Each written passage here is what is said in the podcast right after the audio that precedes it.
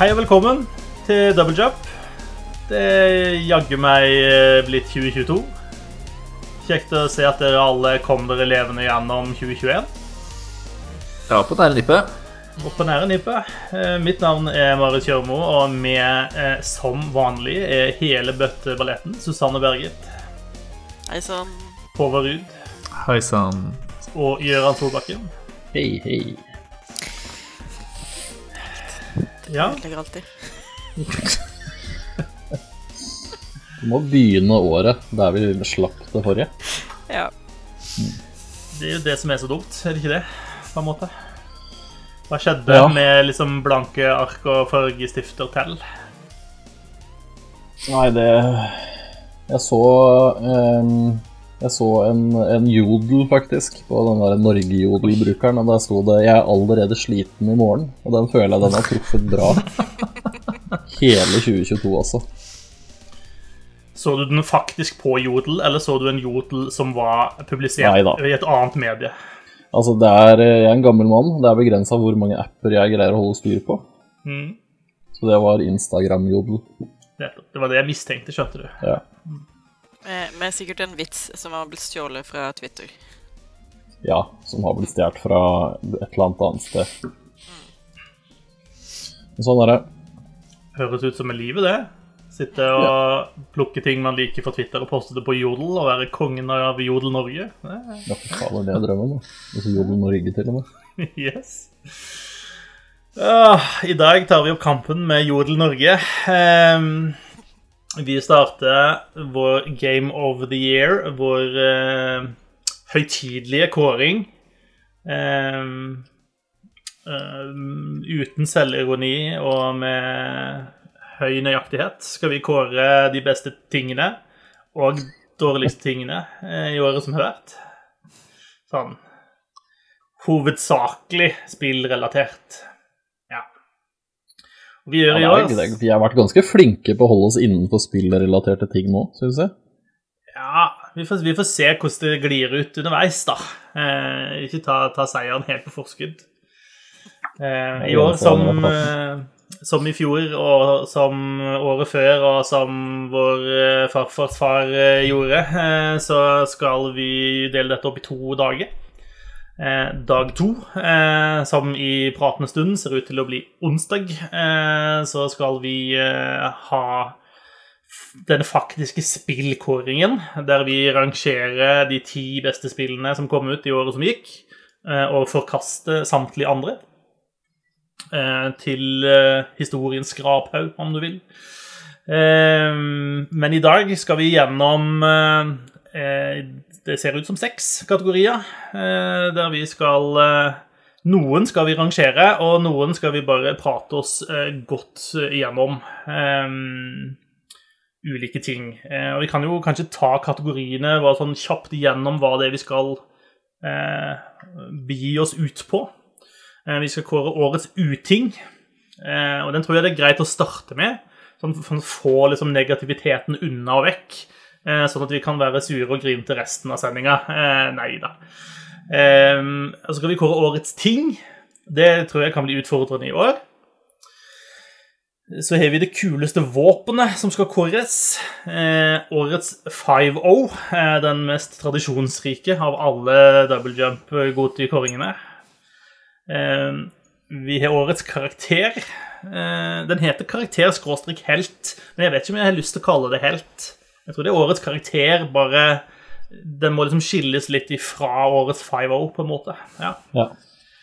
Um, og så har vi også beste detalj, skråstrek, ting du bare må prate om.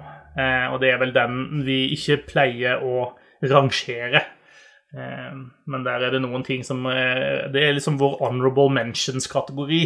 Ting som bare ikke fikk plass noe annet sted, men som hører hjemme i en sånn Goti-sending, rett og slett. Er dere klar? Ja. Jeg tror det. Ja. Føler at uh, det er en god måte å starte det nye året på er liksom å, å sette ordentlig hengslene igjen på 2021. Ja. Det er godt å få det Få det unna. Uh, få det låst vekk i uh, arkivet, og så gå videre. Det Høres bra ut. Det Høres bra ut. Hvis noen syns at jeg eller noen andre høres sliten ut, så er det fordi at dette er den første mandagen eh, i 2022 vi spiller inn på. Eh, Den første, for sikkert kanskje alle av oss, den første arbeidsdagen etter romjula. Eh, Så vi bobler over eh, med energi her i vårt virtuelle studio. Men det blir jeg er fortsatt ikke sulten. Jeg har ikke vært det siden før jul. Jeg gleder meg til å kjenne sultfølelse igjen. Det ble lang nok julemat i år også, sier du? Ja, fy fader, altså. Det blir for mye. Nei, jeg er klar, jeg. La oss gjøre ferdig alle spillene vi har spilt, og grine over alle spillene som blir eh, liggende for evig alltid i en backlog. Eh, og gi oss dårlig samvittighet. Yes. For vi ble vel ikke ferdig med alle spillene vi hadde ambisjoner om å bli ferdig med i år heller. Eh, Nei, nei, nei, nei, nei, nei. nei. nei, nei.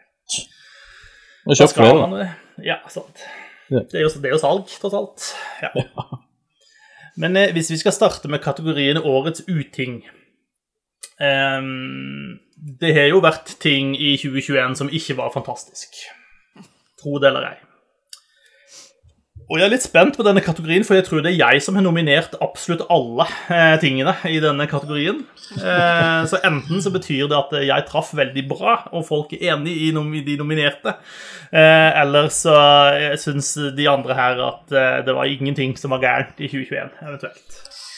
Det, du kom meg i forkjøpet på noen av nomineringene her. Det Opptil flere. Ja. Eh, de nominerte er eh, Altså litt sånn trommevirvel. Eh, Bobby Kotick slash Activision Blizzard pluss pluss. Eh, jeg er litt sånn usikker på om, om vi liksom hvor snevert vi skal gjøre den. Eh, fordi det er jo det er ikke bare Bobby Kotick, og det er ikke bare Activision Blizzard. Det er faktisk ganske mange spillselskap som har vært ganske bedritne eh, mot mange av sine ansatte i 2021. Men det er liksom det som er essensen av den nominerte, i hvert fall. Eh, Men Bobby Kotick har vært hyggelig og gitt hele det der et ansikt. Da. Mm. Eh, folk er jo den, eh, sikkert den som har vært nominert fleste ganger til noen kategori eh, i eh, DJ Goti. Returnerer også i år.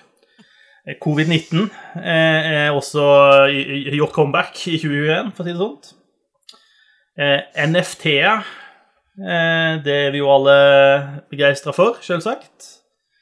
Eh, slutten på 12 Minutes eh, klarte å komme seg inn i denne kategorien. Eh, og en late entry med i hvert fall Norges debut 25.12. var The Matrix Resurrections, som, som hører godt hjemme i denne kategorien.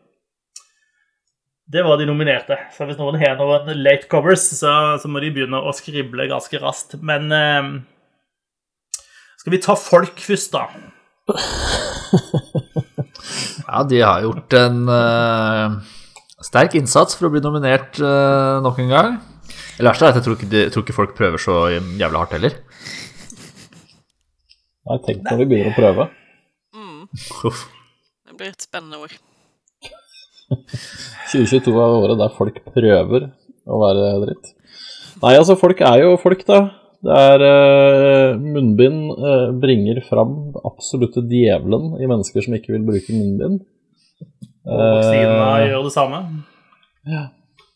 Det er eh, Jeg veit ikke. Vi, har, altså, vi sier jo det samme hvert år, men det er et eller annet jeg skjønner ikke hvorfor det skal være så vanskelig bare å være litt grei mot andre mennesker. Mm. Å være sånn helt midt på treet ålreit er jo milevis bedre enn det mange er. Ja. Og i, i spillverden også, så er det jo det samme røkla år etter år etter år. Med Og jeg vil ikke ha politikk i spillene mine, jeg vil ikke ha kvinnelige karakterer i spillene mine. U, det fantes ikke damer i andre verdenskrig, dummeste jeg har hørt. Altså, jep. Hele den der greia der. Ja, og i år så har de også kjørt hardt på higher fans, for de gjør tydeligvis en mye bedre designjobb enn det eh, faktiske designere gjør. Eh, det er også noe som har vært eh, ropt ganske høyt når eh, Anger Boda i God of War Ragnarøk eh, ble vist frem, hvor folk var dritforbanna eh, fordi hun tilfeldigvis hadde brun hud. Og det kan man ikke ha når man er Jotun, eh, som er et fiksjonelt vesen. Eh, nei. Brun hud og Loks, det Da har du skikkelig bomma på liksom designvalgene dine. Eh, og jeg er 100% sikker på at de samme folka som har skreket veldig høyt om dette, har også sendt liksom sinte brev til Disney og Marvel fordi de samme jotunene i MCU er blå. For det kan man ikke ha nå. Nei. Nei, jo hvor er sixpacken til Thor? Herregud. Ja, det også. Eh, så det har vært mye, mye rasisme og mye fettforbia ute og gå. Eh, bare pga. et par bilder fra et spill de fleste gleder seg jævlig mye til. Eh, og så har du også folk som har på en måte redesigna Angerboda til å se ut som en eh, hvit eh, arisk eh, tolvåring. Som de mener er et mye bedre design, da. Ja. Det er bare å betale i mange millioner åra. Dette kan de. Ja. Mm. Ikke minst så er det folk som står bak NFT, som kanskje er den mest idiotiske tingen jeg noensinne har hørt om i hele mitt liv. Sånn, Det er nå sånn, feil tidspunkt å si at jeg har meldt meg inn i sånn NFT Bros. Ja, Kan ikke du forklare oss hva en NFT er for noe, da? Og hvorfor det er så jo, bra for det kan jeg. artists? Det er uh, um, Det er en ting som gjør at eh, i mange folk kan lure mange andre folk til å tjene masse penger. dette, dette gjør han lest på Jodel Norge. Ja, jeg leser på Jodel. Min kilde til alt av nyheter og vitser.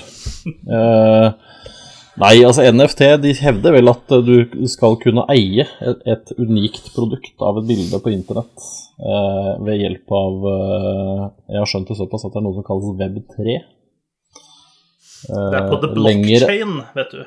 Blockchain og, og eierskap og metaverse og alt det greiene der. Uh, Web3 er vel bare en rebranding av cryptocurrency, fordi folk ikke liker det ordet lenger. Jeg tror det. Jeg har ikke, jeg har ikke dypt noen lenger ned i det hølet der, for jeg kjente at dette orker jeg ikke å forholde meg til. Uh, jeg vil ha penger i papirform. Takk skal du ha. Betalform? Betalform. Metallform var det jeg sa, det egentlig. Ja, men, metall, ja. Det kunne vært litt interessant, faktisk. Jeg vil ha litt gullbarrer. eh, Ja, for det, det har du aldri opplevd før. Penger i, i metallform. Nei, Aldri nei, hørt nå tenkte jeg store metall. eh, Nå tenkte jeg stort med en gang. jeg. Det er en sånn mas maskin. Ja, nei, jeg, jeg jo heller mot at Web 2.0 var en tabbe, så jeg ser ikke noe spennende spesielt fram til eh, Web 3.0. Web 2.0 var jo da så da, da vanlige folk ble invitert inn til å produsere innhold. Eh, ikke bare journalister og den type yrker. Visste at. MySpace kom til å rive oss ned, alle sammen. Ja, det var liksom begynnelsen på slutten, eh, det der. MySpace. Ja, På MySpace og GeoCities, da, da begynte demokratiet å fale. Ja. Åh, eh, nei, eh, men det, det med NFT er jo litt sånn eh, det, det er jo eh, ganske pre-evolent i liksom tech-bro-miljøet. Eh, men i spillmiljøet så er det liksom Det har ikke egentlig gjort sitt store inntog i, i spill ennå, men det er veldig mange som lukter på dette og eh, har vel mer eller mindre gått ut og sagt at dette this is the thing eh, som vi kommer til å satse på.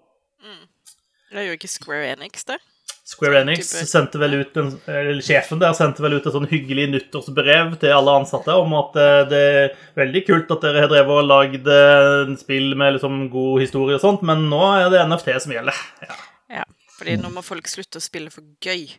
Nå skal Ja, de spille det var for en arbeid.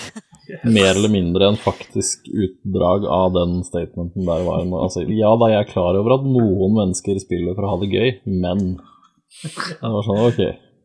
Da, Ja, den, den eneste av de liksom store selskapene som vel faktisk har, har innført NFT, er vel Ubisoft. Eh, som hadde et sånn forsøk, forsøk i ja, de Ghost Recon, tror jeg. Eh, Ja. Hvor de, de pumpa ut eh, noen, noen items som NFT-er. Og det, sist jeg hørte, så hadde Ubisoft fortsatt tapt penger på det. da. Så det hadde kost, kosta de mer å liksom minte disse tingene enn pengene de har fått inn i salg fordi det er ingen som vil kjøpe det. Og så kan det være mange grunner til det, da. Eh, altså, de NFT-brosene eh, mener jo i hvert fall at eh, Ubisoft gjennomførte dette på en veldig dårlig måte. Sånn Eneste måten du kan få denne tingen på, er bruke den på, er hvis du allerede har spilt 160 timer i det spillet og har høy nok level til å kunne bruke whatever. I don't know. Så da er det en dårlig idé. Men når det gjelder å kjøpe eh, en JPEG av en stygg ape, da er det genialt. Yeah. Forstår du den som kan. Nå er det vel noen av disse tech-prosene som har funnet ut at de skal lage NFT-er av bøker og sånn også, og mener at det er en kjempebra idé. Men det de egentlig har funnet opp, er bare et jævla skittig bibliotek. Og det er liksom Tech-bros burde burde ikke få lov til å annonsere nye konsepter før de har satt seg inn i hva som har blitt gjort før. Eventuelt liksom studert humaniora i et halvt år. Bare for å skjønne at alt det dere har funnet opp så langt, det fins allerede. Jævla nissene i Silicon Valley som oppfinner liksom bussen på nytt, og så finner de opp eh, romkamerater på nytt, og så er det liksom Er dere noen jævla idioter, eller driver dere og troller hele verden, på en måte? Ja, for altså, En av de tingene som Når man prater om NFT-er i spill, så er på en måte en av argumentene at ja, du eier noe, og du kan eh, selge det videre til noen andre igjen, og du kan tjene penger på det. Men altså, dette har Counter-Strike gjort i årevis. Ja. Ja, og vi, altså, du kunne selge Warcraft-kontoen din til noen et eller annet sted i verden for, for massevis av dollar, også for Jeg vet ikke hvor gammelt det er Warcraft? 10 år? 15 år? Ja. Så, så det er ikke nytt. Det har et fancy nytt navn, og så er det på the blockchain. Eh, sånn at det er Sure, det er en eller annen kode som gjør at den- et eller annet i, med den koden er unikt bare til deg, men for all sense and purposes så er dette bare akkurat noe som folk har gjort i årevis. Og som er ganske shitty i Counter-Strike også, for å si det sånt. Og sjøl der, i alle de mikrotransaksjonene, så har det jo vært masse sånne beskyldninger om hvitvasking og at dette har blitt, blitt misbrukt av uhyggelige folk eh, som ikke nødvendigvis er så opptatt av gaming. Så, så det er vanskelig å se appellen, da. Eh, hva, hva i alle dager skal spill tjene på, på å ha dette her? Eh, det eneste Altså, ja, du kan få tak i noe som er unikt, og du kan selge det videre, men altså, OK, hvis du ser for deg Electronic Arts og ta Fifa og Ultimate Team, for eksempel, da. Det er enkelt å bruke som eksempel. Eh, De tjener dritmasse penger på dette. Eh, Og de har tilsynelatende vært åpen for at liksom NFT det kan jo kanskje være interessant å gjøre noe med eh, for Electronic Arts en del også. Eh, Men i, hvilk, altså, i hvilken verden tror vi at Electronic Arts vil designe et spill som f.eks. Fifa, hvor eh, istedenfor at de skal få alle pengene, så skal de nå dele av pengene dette spillet genererer, med alle spillerne sine. De gjør jo ikke det. De, ville det jo aldri vil vitende gjort. Så det argumentet er helt på tur. Så, ja. Men i, siden vi prater om sånn kåring og rangering og sånt her, eh, så jeg, jeg er litt der at eh, Jeg syns det er litt tidlig å si at NFT er den verste tingen i liksom, spillverden ennå. Eh, jeg føler liksom den, Vi har begynt å se den, men jeg tror den kan gjøre sterkt comeback i årene fremover. Eh, Og kanskje klatre høyere på lista enn akkurat i år, da. Det er i hvert fall min feeling. Ja, jeg kan si at altså, rett. mye altså Blockchain kan nok brukes mye bra, men jeg tror liksom ikke dette er det som gjør uh, blockchain allment, da. Um, takk for meg.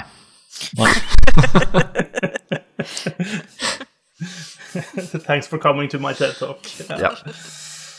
Eh, så hadde vi slutten på 12 Minutes. Den er vi jo alle enige i at var strålende. Eh, jeg, vet ikke om, jeg vet ikke om slutten er riktig heller. Altså, 12 Minutes, hvor, hvor går det galt i det spillet? Eh, men i hvert fall ett sted eh, Ja. så, så, så går det galt. eh, Ja, det er eh, Vi snakker om bare én av sluttene, ikke sant? Det er jo ja, vi, ja, vi snakker om, vi snakker om Men vi snakker om, om den uh, timeloop-tvisten der man finner ut at uh, det er søsteren din du er sammen med, typ, og hele den der revealen der. Det er vel den vi snakker om. Dette er vel kanskje også tidspunktet til å minne våre lyttere slash seere på at dette er ikke en spoiler-free eh, gjennomgang av ting. Her blir det spoilers. Så hvis vi kommer innom et spill som du ikke har spilt ennå og har tenkt å spille, og ikke vil bli spoila, så kan det være du må holde deg litt for ørene eller skippe litt videre. Eh, bare så det er klart. Ja. Og ja, Gøran, du har helt rett. Jeg tror det, Ja. det, det er den biten som bare føles som en stor fuck you til de som Til vi som satt og prøvde å finne ut av hva er egentlig mysteriet, hva er egentlig greia her. Altså bare er det en stor middle finger til oss som spillere, og eh, ja Ja, for spillet er jo ikke uh, Spillet er ikke dritbra, men det er ikke så dårlig heller, opp til det punktet. Og så bare skyter det seg sjøl i begge knærne eh, når det kommer en Jeg veit ikke. Den er så Altså, den er ikke åpenbar, men den er så dum. Den er så lite original og teit, og den Jeg veit ikke. Den bare Jeg syns hele, hele spillet bare krasjer når den liksom når den revealen der kommer, og det har liksom blitt hypnotisert, og du snakker med faren, og du er liksom monsteret Nei, ah, det blei bare kjempeteit, hele greia. Det blir Det, det er litt sånn eh, som Det som skjedde, skjedde ikke fordi det var en drøm hele veien. Eh, det er liksom den moven der som bare er Nei, det, du kan faktisk ikke gjøre det. Det er ikke greit. Åh. Nei. Jeg kan anbefale lytterne å gå tilbake etter den episoden hvor vi eh, hadde alle spilt 12 minutes, eh, for det var mye frustrasjon eh, som måtte ut i den episoden der. Eh, Ja, altså det er jo ikke, som sagt, det er jo ikke et dårlig spill, men det er jo et jævla frustrerende et. Og så gjør det så sykt lite ut av stemmeskuespillerne sine. ja. Det irriterer meg kjempemye når du har brukt penger, så mye penger, eller sikkert mye penger, på å skaffe liksom big names, og så kan du faen ikke høre at det er de engang. Bortsett fra Willem Defoe. Han er jo nesten umulig å ikke kjenne igjen. Eh, Ja, og det, det, det er noe med litt sånn uforløst potensial her. sant? Altså Man, eh, man ble ganske bergtatt av liksom trailerne til spillet, og dette så kult ut. og Man så liksom for seg mulighetene, da, og så bare leverer det ikke i det hele tatt. Eh, eh, men det tar litt tid før du liksom oppdager at du har blitt lurt inn i noe som ikke var det du trodde eller håpte det skulle være. Ja. Det er ekstra kjipt. som er det, det, er kanskje det som er det sureste der. Ja, ja. Nei, det var teit. Skikkelig, skikkelig teit. Det var teit. Noe annet som er skikkelig skikkelig teit, er The Matrix Resurrections. Og jeg vet ikke om noen av dere har tatt dere turen på kino for å se den fjerde Matrix-filmen. Um, Men det har dessverre du gjort, skjønner jeg. det har dessverre jeg gjort, og jeg trengte terapi etterpå. Um, det er altså Man kan mene mye rart om The Matrix-filmserien eh, før den fjerde filmen. Eh, jeg er av den mening at eh, den første Matrix-filmen var veldig kul og veldig interessant og veldig gøy. og den var en del av ungdoms-Marius sin oppvekst, og liksom Yes, Matrix, det var the shit. Og Så kom film nummer to, og den skjønte man liksom ikke. Ok, dette var jo ikke helt det samme. Og så kom film nummer tre. Ok, kanskje vi er ferdig med Matrix nå, og det er greit.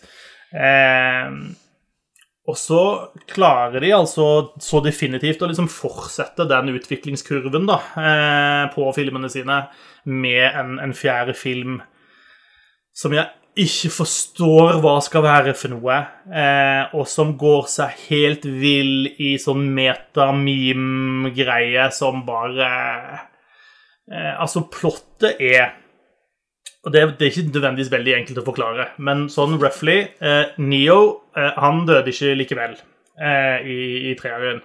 Eh, han er eh, på en måte eh, litt sånn holdt fange, litt sånn hjernevaska,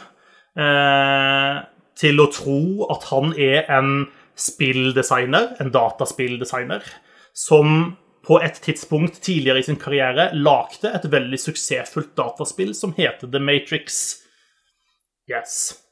Eh, men han sliter litt, for av og til så kommer det liksom noen sånne minner tilbake, og da går han til en terapeut som liksom gir han the blue pill, som han da tar hver dag for at han skal unngå disse eh, episodene. Eh, så han tror at han er på en måte en vanlig spilldesigner i en vanlig menneske i den vanlige verden. Um, og så har de på en måte bare tatt alt det som skjedde tidligere, og gamifisert det. Og så har de en kjempeteit versjon av et dataspillselskap. Eh, og det, det, er veldig åpenbart at her er det noen folk i Hollywood eh, som vet hvordan eh, teite ting blir til film i Hollywood, og tror at datafirmaer funker på samme måten. Eh, og så prøver de på en måte å disse dataspillfirmaene for hvordan spill lages, eh, ved å få det til å se ut sånn som film lages. Er veldig, alt er veldig rart, og alt er veldig on the nose. Og eh, Trinity hun er også fanga på det samme stedet som Neo er, eh, og hun er Eh, hun er da nå en gift eh, to-trebarnsmor, eh, som heller ikke husker hva som har skjedd tidligere. Eh, mannen hennes heter Chad. Bare Chad. Han er ikke noe etternavn, han heter bare Chad. Eh, og, og, hvis det heter Chad, så trenger du ikke noe mer. Nei. Og alt er sånn så det er on the nose hele tida, og liksom de nevner Facebook og Mark Zuckerberg og eh, det er, det er som noen som er godt over 50, har prøvd å finne ut hva kidsa syns er gøy på internett, og så bare trykke alt inn i denne filmen. Eh, og så fikk de jo ikke med seg alle de gamle skuespillerne. Eh, så det er jo en del nye skuespillere som må spille de gamle karakterene. Eh, så Hugo Weaving er jo ikke med. Han var vel en av de som leste dette skriptet og tenkte nei, Fy helvete, skal jeg ødelegge jeg, min karriere på dette her? Eh, den eneste som kommer ut av dette her, er jo hovedpersonen sjøl.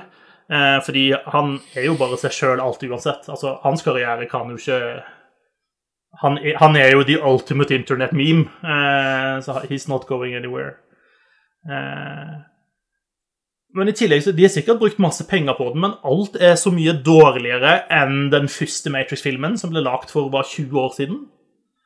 Fight, Fighting-scenene er nesten ikke-eksisterende. Altså, de er, så, de er, så, lite engasjerende, de er ikke bra koreografert. Og hver gang noen skal slåss, så bare rister de masse med kamera isteden, eh, så du knapt ser hva som egentlig foregår.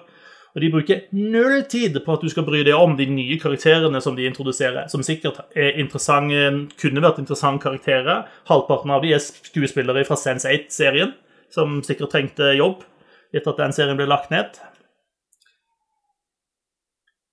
Og alt er Altså, det er så, det er så dårlig. Det er sånn Ideen var dårlig i utgangspunktet, men gjennomføringen er Ja, det er sånn du vil ikke, du, du vil ikke tro det. Ja, rett og slett det, jeg, tror ikke, jeg, tror ikke, det er nok marihuana i verden til å få meg høy nok til å liksom li, synes at dette er gøy.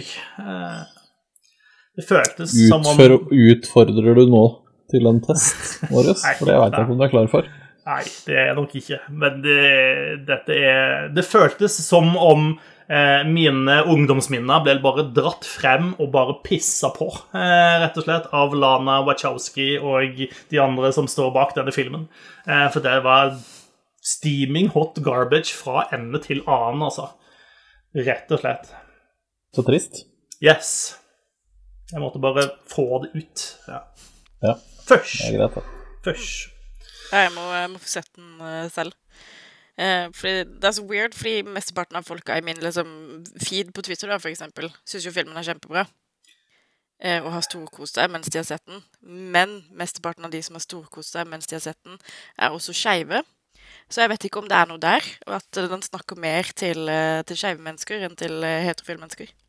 Kan hende de har bedre marihuana enn Marius. Det kan også være. Det kan være. Mm. Ja. Fare for det.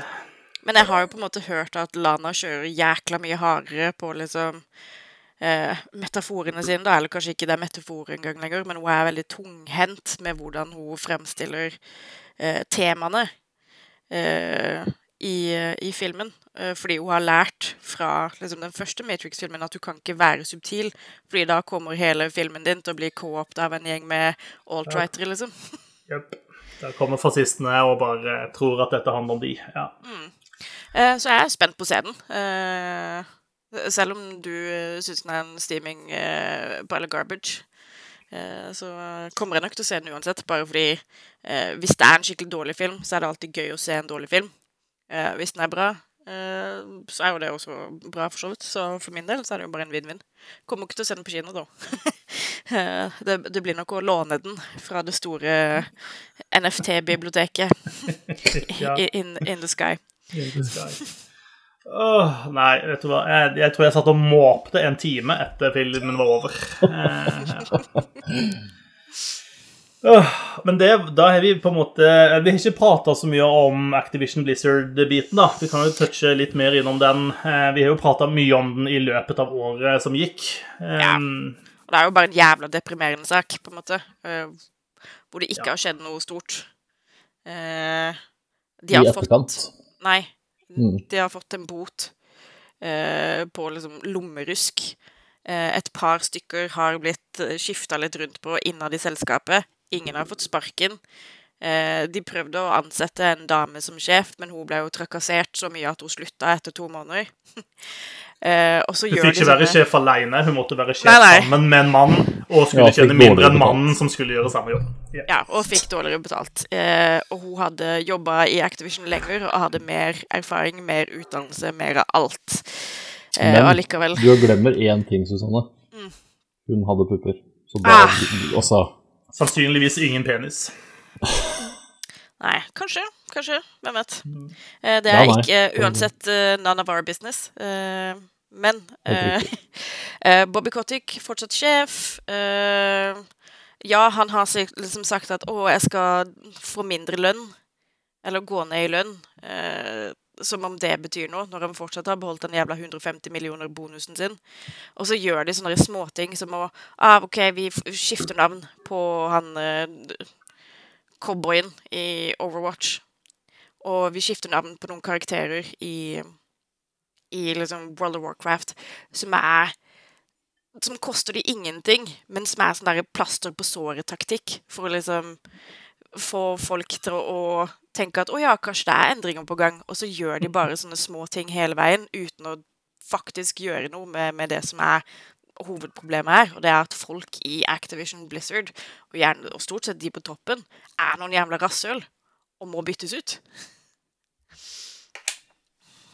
Men det er jo, det er jo bukken og havresekken. Det er jo styret i Activision Blizzard som må ta disse avgjørelsene. Og det er jo de som har sittet og oversett alt det gærne som har skjedd eh, de siste årene.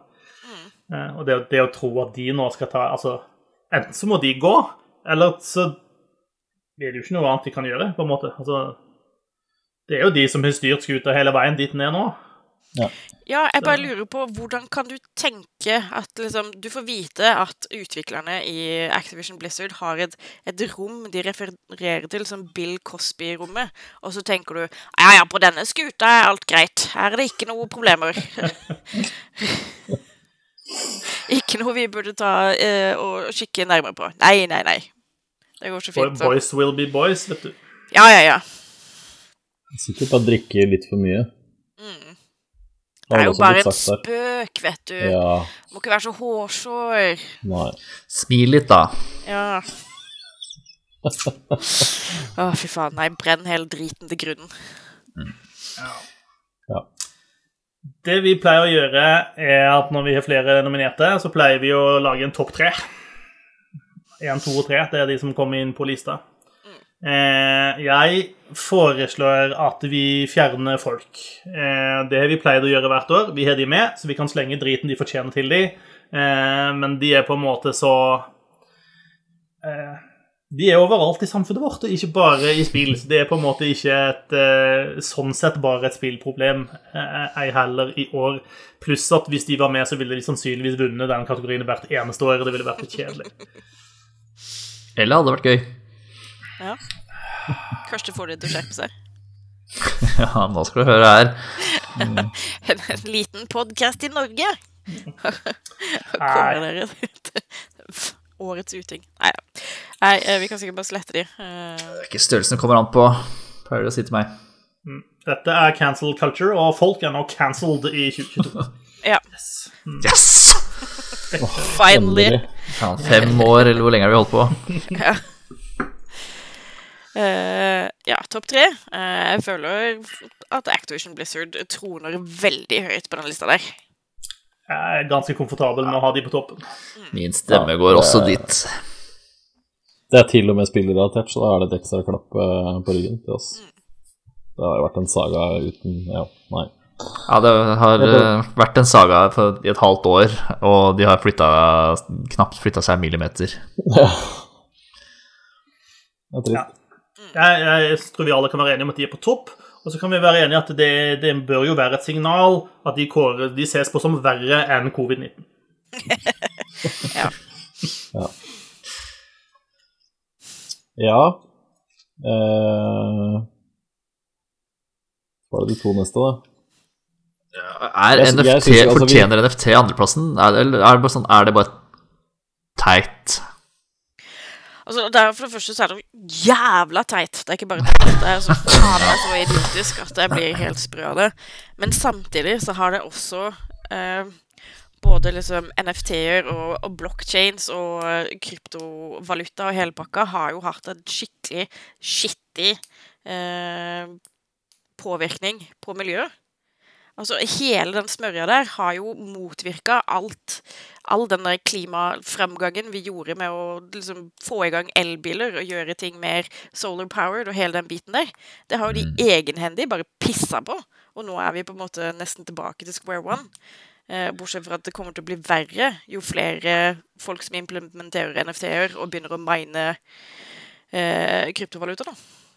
Det er jo en litt sånn ekkel eh, ironi over at den mannen som selger mest elektro eh, elektroniske biler, er den største crypto-broen av de alle. Jepp. Rett i giljotinen med de, alle sammen. Rett i giljotinen. Jeg, Ja, jeg vil, eller bare jeg vil, send de ut i rommet, og så lås døra bak de, eller et eller annet sånt, så de ikke kan komme seg tilbake. Ja, Det var noen som var inne på at vi burde i det minste sette opp bompenger, sånn at de må betale når de skal komme tilbake igjen hver gang de reiser ut. da. Eh, Så hvis ikke vi kan skatte de på noen annen måte, så kan vi skatte de for hver gang de kommer tilbake til planeten. Ja. Jeg idé. Nei, jeg, jeg har egentlig lyst til å slå et slag for covid-19 på andreplass. Ja. Eh, Ja, det er er bra nå. drit, på en måte. Ja, Det er bra nå. Ja, det holder nå. Ja. Synes liksom de fikk, eh, de fikk 2020 til å boltre seg i. Eh, synes de kunne latt være nå. Ja. Ja, De nådde jo ikke helt opp i 2020, men eh, nå har det holdt, holdt på lenge nok. Mm. Syns vi kan, eh, kan gi de den andreplassen i år.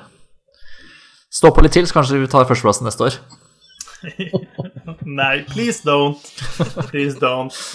Ta med deg folk og bli cancelled. Um, Matrix Resurrections er helt greit for meg om den ikke er på topp tre her. Eh, Jeg hadde den med fordi jeg hadde et behov for å si hvor shitty den greia var. Um, så kan, for min del kan det godt eh, stå mellom de to andre.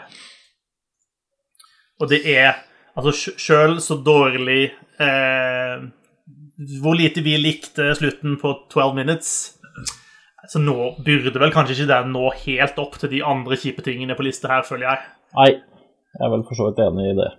Nei, er, eh, det syns jeg er uh, helt i orden.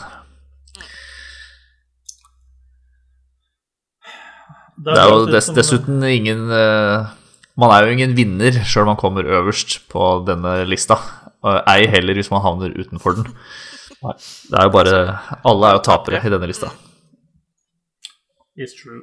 Uh, den største taperen av de alle er da Bobby Kotick, uh, skråstrek styre og stell i Activision Blizzard med andre shitty spillfirma på heng der. Eh, for at de ikke kan behandle sine ansatte som eh, folk. Som gode folk. Ja. Ja. Rett og slett. På andreplass av årets uting kommer da covid-19. Eh, det syns vi er nok nå. Eh, og på tredjeplass kommer da non-fungible tokens, eh, med alt det kjipe eh, som det fører med seg.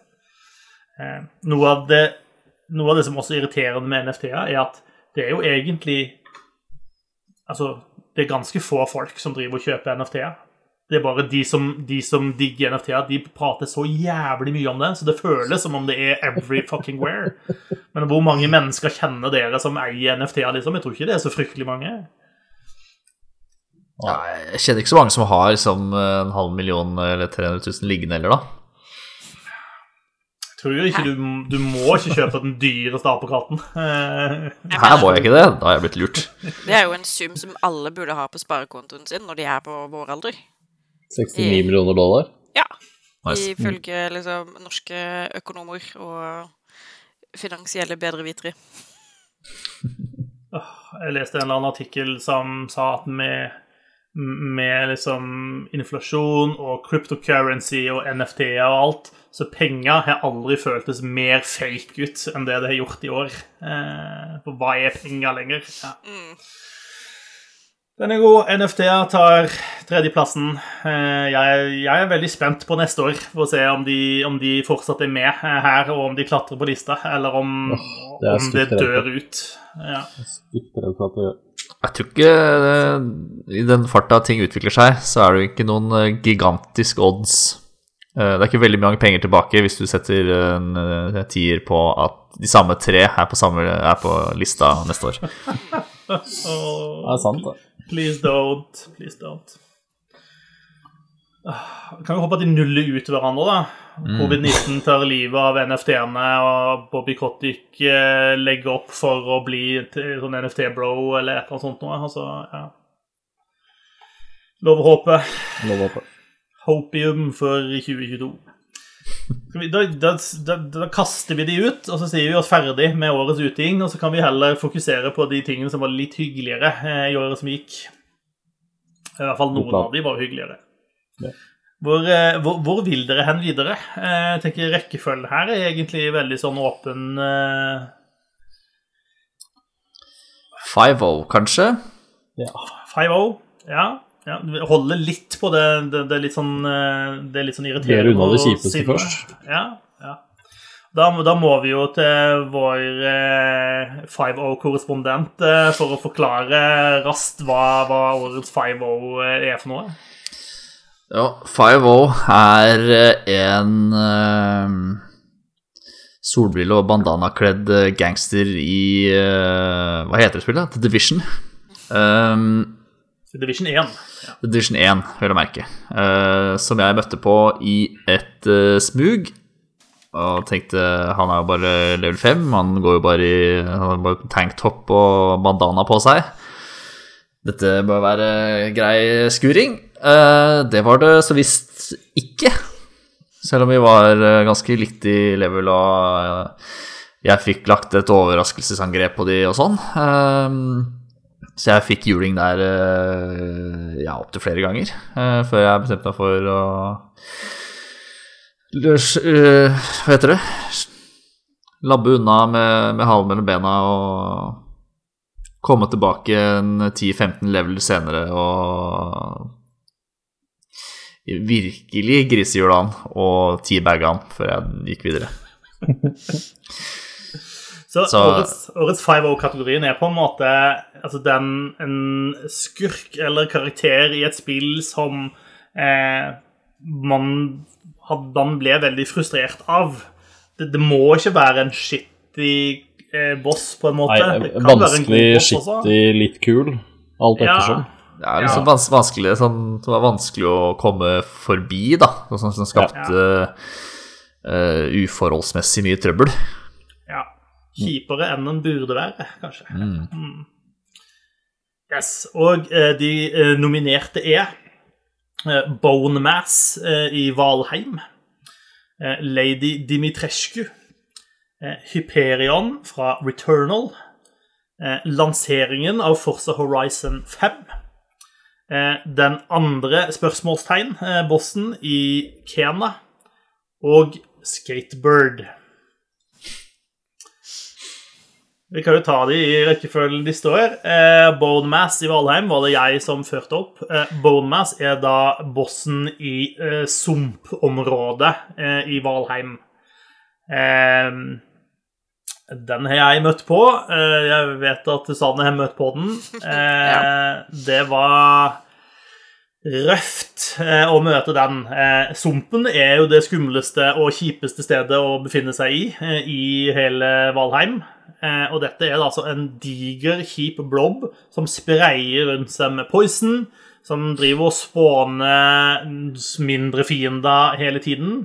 Eh, og du og gjengen du er med, må bruke veldig lang tid eh, på samarbeidet for å ta ned den bossen. Den har jo også en god del resistance mot diverse ting. Som du, hvis du er som meg og ikke leser Wikipedia før du hopper inn i et spill, ikke vet om.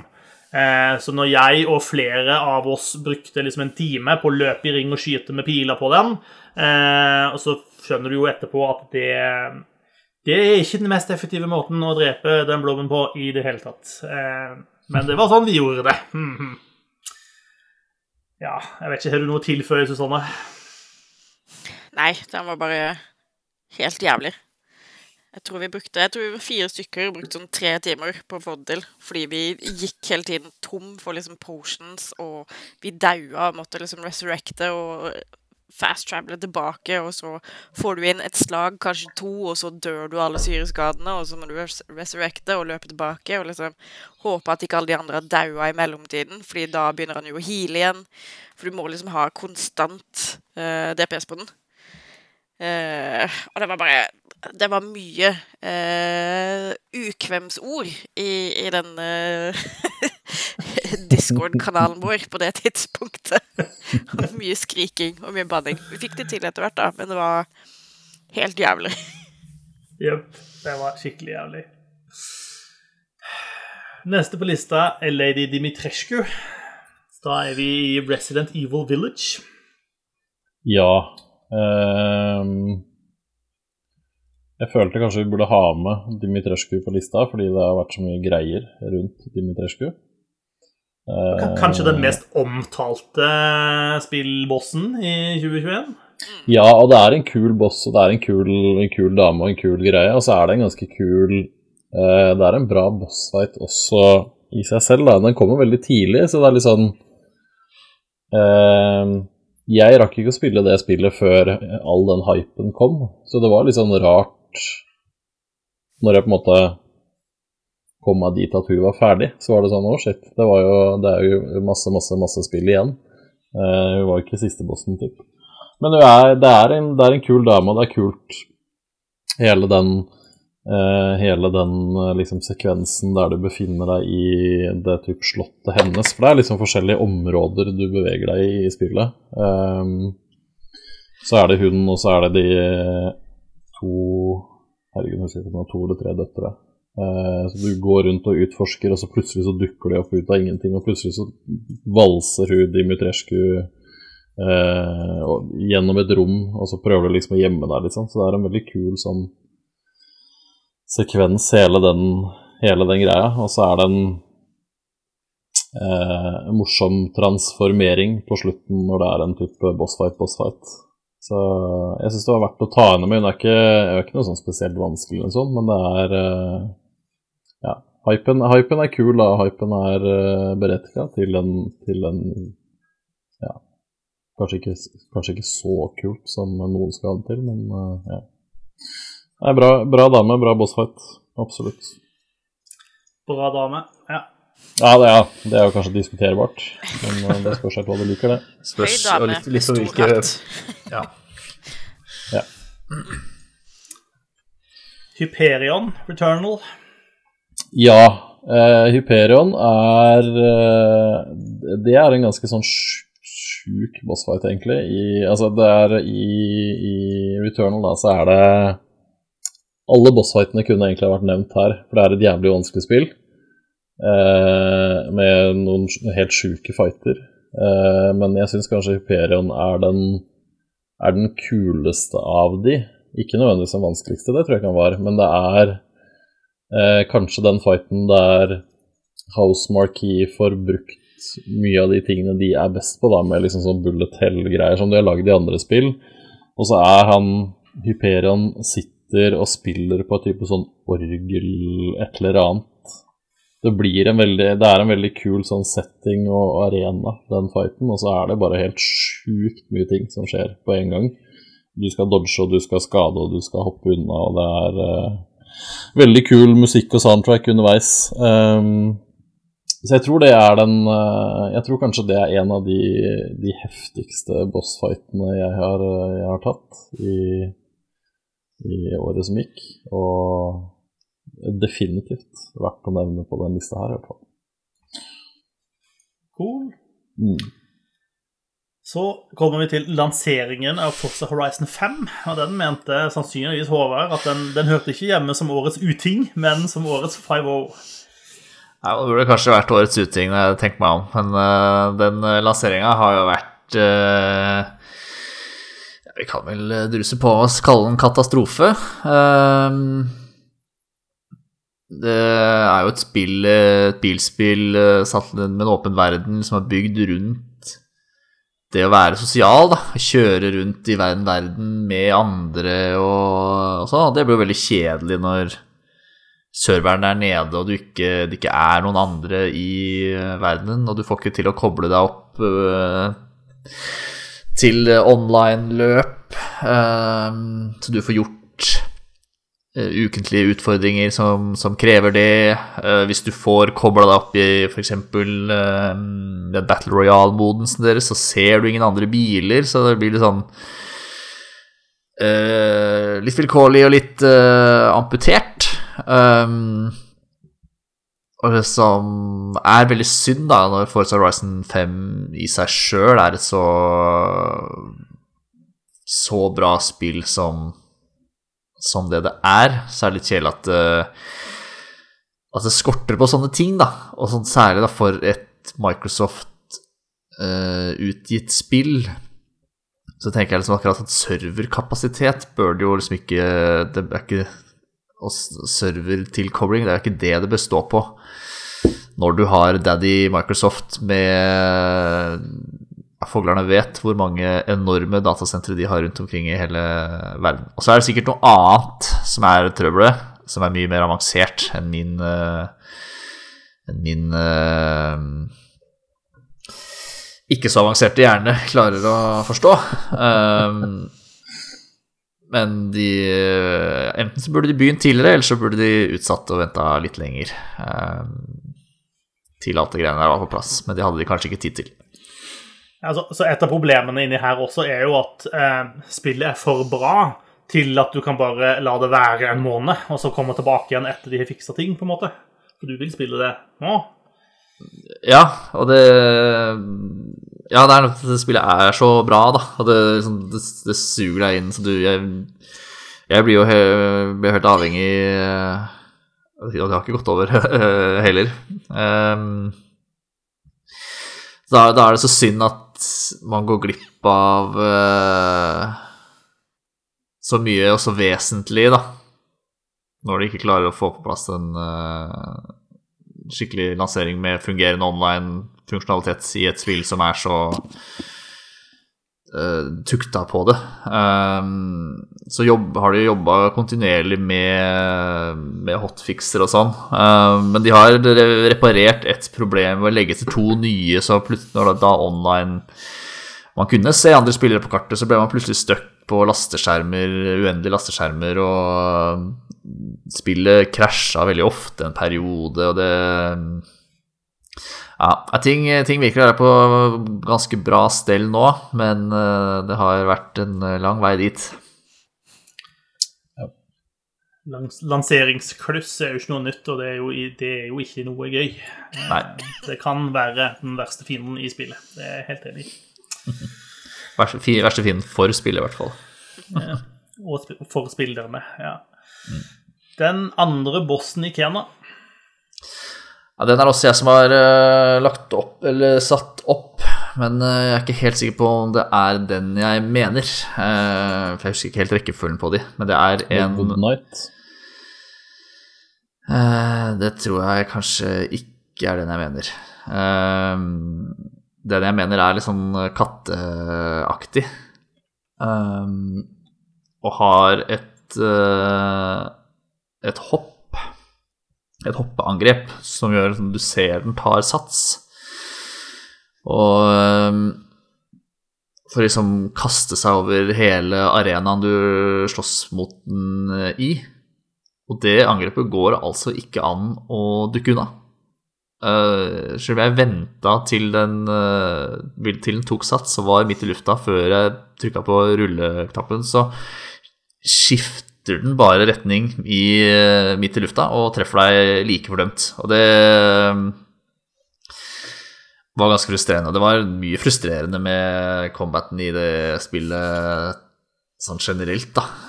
eller kanskje ikke frustrerende, men det var sånn Det er litt sånn Souls Dark Souls-aktig. Um, at fiendene gjør mye skade, og du må dukke unna i riktig tidspunkt, og det er mye på timing og sånn, så kan jeg bare forvente eller kanskje litt lettere combat av et spill som ser sånn ut. Og at det bare er jeg som er dårlig, som gjør at jeg Det er kanskje det hele kategorien har sitt utspring i. Men jeg syns jeg syns det var eh, Det føltes veldig urettferdig da jeg prøvde å spille tålmodig og vente til den eh, starta angrepet sitt før jeg dukka unna, og så likevel får jeg bank. Det gjorde meg ganske oppgitt. Så jeg uh, spilte Kena på ganske lett vanskelighetsgrad, og det Jeg skjemmes ikke for det. Det må være greit. Ja. Men det spillet hadde jo veldig mange utfordrende bosser. Ja, det hadde det. Ja. Eh, vi holdt jo på å gi opp på siste.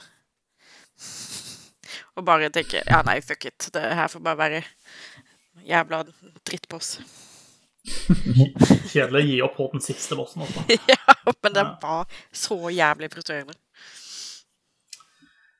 Kan jeg gjette meg til eh, at det kan være Håvard som er nominert uh, Skatebird også i denne kategorien? Uh, det er faktisk ikke, men jeg, det er nok noen som har nominert det på mine vegne. Jeg har tatt med på dine vegne. Fordi etter å ha hørt, hørt deg prate om det spillet eh, på tidligere i år, så, og nå sett gameplay av det, så tenker jeg at det Altså Når et helt spill utarter seg som en eneste stor bossfight med janky fysikk og kontroller og ingenting er som det skal, så tenkte jeg at da måtte jeg bare ha den med her. For det var jo trainwreck av en annen verden, det spillet der. Ja, det, jeg så jo veldig fram til det da jeg sånn hørte om det for første gang. Um, for det uh, er jo et sånn um, arkade-sketsspill à la de gamle Tony Hawk-spillene, og det nyeste, for den saks skyld. Um, men de har uh, gjort noe rart med at med, med, fysikken er jo helt på styr. Um, um, som bare gjør det spillet så ubehagelig å spille, da. Uh, alt føles så, det føles så vilkårlig om man, om man lander et triks og det som bør bevege seg rundt i verden, er uh, er vanskelig, det er knotete. Mm. Som ja, bare ødelegger hele opplevelsen av et arkade-skatespill. Og det, jeg skjønner at det skal være gimmick, at du er en fugl, så du Du flyr jo ikke, men du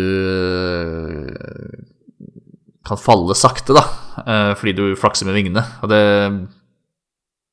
det jeg blir bare tull, og den undulaten er uh, framtung, så du Kjører du av en kant, så bikker den liksom framover og velter, og det Sånn fysikkbasert arkadeskatespill er nå prøvd ut og uh, bekrefta dårlig idé.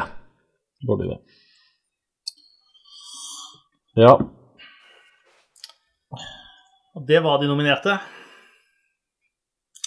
Da, da gjenstår bare jobben med å plukke ut de tre beste, verste, hva, hva, hva enn vi vil kalle det. Ja. Er det noen som vil ta noen ut?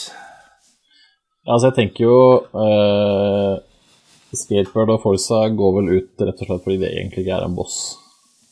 Ja, jeg tenker Skateboard eh, og, den, og Forza-lanseringa er kanskje sin egen 5-0. Uh, ja. Så jeg kan uh, være med på å sette de utafor lista. Ellers så syns jeg Jeg syns i hvert fall uh, Hyperion hører hjemme høyt opp på den lista, for den er så jævlig kul, den bossfighten, og så er den så jævlig vanskelig. Uh, det kan hende jeg er dårlig i det spillet, for jeg, var- jeg syns alle bossene var jævlig vanskelig. Men ja, den passer veldig bra til, til den kategorien der, da. Mm. Enda mer enn Dimitrescu, som er, hun er veldig kul, men som bossfight så er uh, Hyperion bedre. Ja, jeg syns det høres ut som de som hører mest hjemme her, er Bone Mass, Hyperion og den kattebossen i Ken. Ja. Jeg er litt enig. Og det, det, er jo ikke, det er jo ikke noe negativt overfor lady Dimitrescu. Jeg tenker at hun er jo kul på sitt vis. Eh, Hun har fått så mye oppmerksomhet og priser allerede. Eh, Jeg tror yeah, hun tåler å liksom bli buta ut av denne lista, liksom. hun tåler jo ikke å bli mer høy på seg sjøl. nei. nei. oi. Åh, nå kan vi bare gi oss. Det var toppen. Som Ja, nei, jeg vet ikke om dere eh, Jeg har ikke kommet meg så langt som til Bone Mass. Jeg har kommet meg til Sumpen, men jeg, jeg har ikke kommet, eh, kommet lenger enn det. Nei, det var jo fristende å gi seg når du kom til Sumpen. Det var jo det. Ja, Mm. fy faen. Den plassen er så jævlig. Og, og som jeg sa i en tidligere sending her, de har patcha den, så den har blitt verre. Den har blitt Ah. mye verre. Yay! Hurra! Ikke, ikke Bormass, men dere, de har lagt til sånne minibosser som bare dukker opp uannonsert mens du er ute og, og prøver å finne nødvendige ressurser i sumpen. Ja. Som om de trengte det i Sumpen. Yes. Mm. Ja, så fint, da. Jepp. Nei, jeg vet ikke. Jeg syns uh, Hyperion, men det er jo rett og slett eh, personlig preferanse. Men hvis dere syns er Bone liksom eh, worst of the worst, så er jeg med på den. Også. Ja, jeg tror min stemme går der. Ja. Meg. Ja, det er uh... Jeg syns jeg heller uh, Ja, som sagt. Jeg, jeg kom ikke lenger enn Sumpen, så jeg skjønner det når du skal ha en boss i tillegg som bare er alt det der. Så jeg er med på den. Det er, det er nok da jeg har skreket mest. Eh, gjerne sånn sammen med da vi spilte det der insektspillet, og den digre edderkoppen kom. Eh, det er vel de, Åh, de to største skrikene i år. Eh, ja.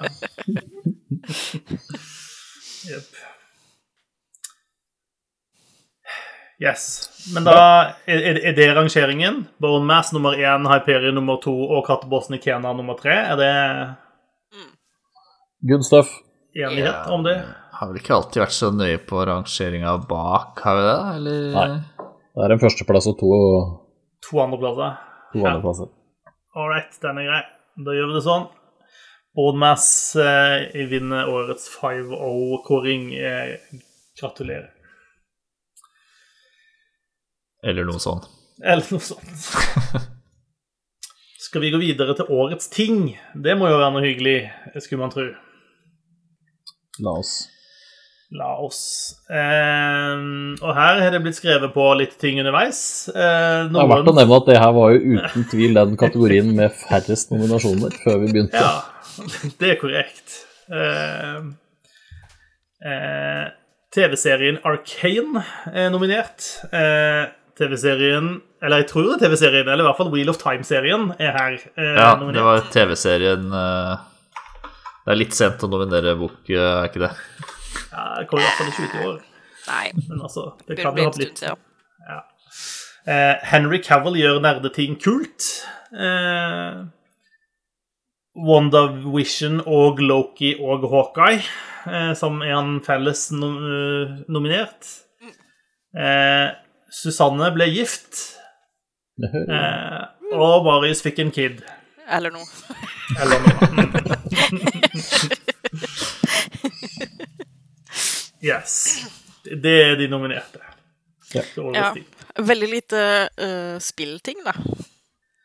Altså, jeg nominerte Arcane og tenkte at det er spillrelatert. Ja da. Altså, der, der føler jeg at jeg er safe. Ja, meg og Odd Karsten så seks episoder av det i går. Eh, Ok, da. Ja, det var jævlig bra. Vi mangler de to siste episodene, men jeg Regner med vi ser de etterpå eller noe. Mm. Men ja, fy faen, for en serie. Jesus Christ. Fint om vi for, forsøker å unngå spoilere her eh, for min eh, del. Jeg kom aldri så langt Jeg hadde store planer for juleferien. Eh, en fjerdedel av det ble gjennomført, eller noe sånt. Altså, jeg vil gå så langt som å si at Arcane er den beste adopsjonen fra spill til TV slash film-medium ever.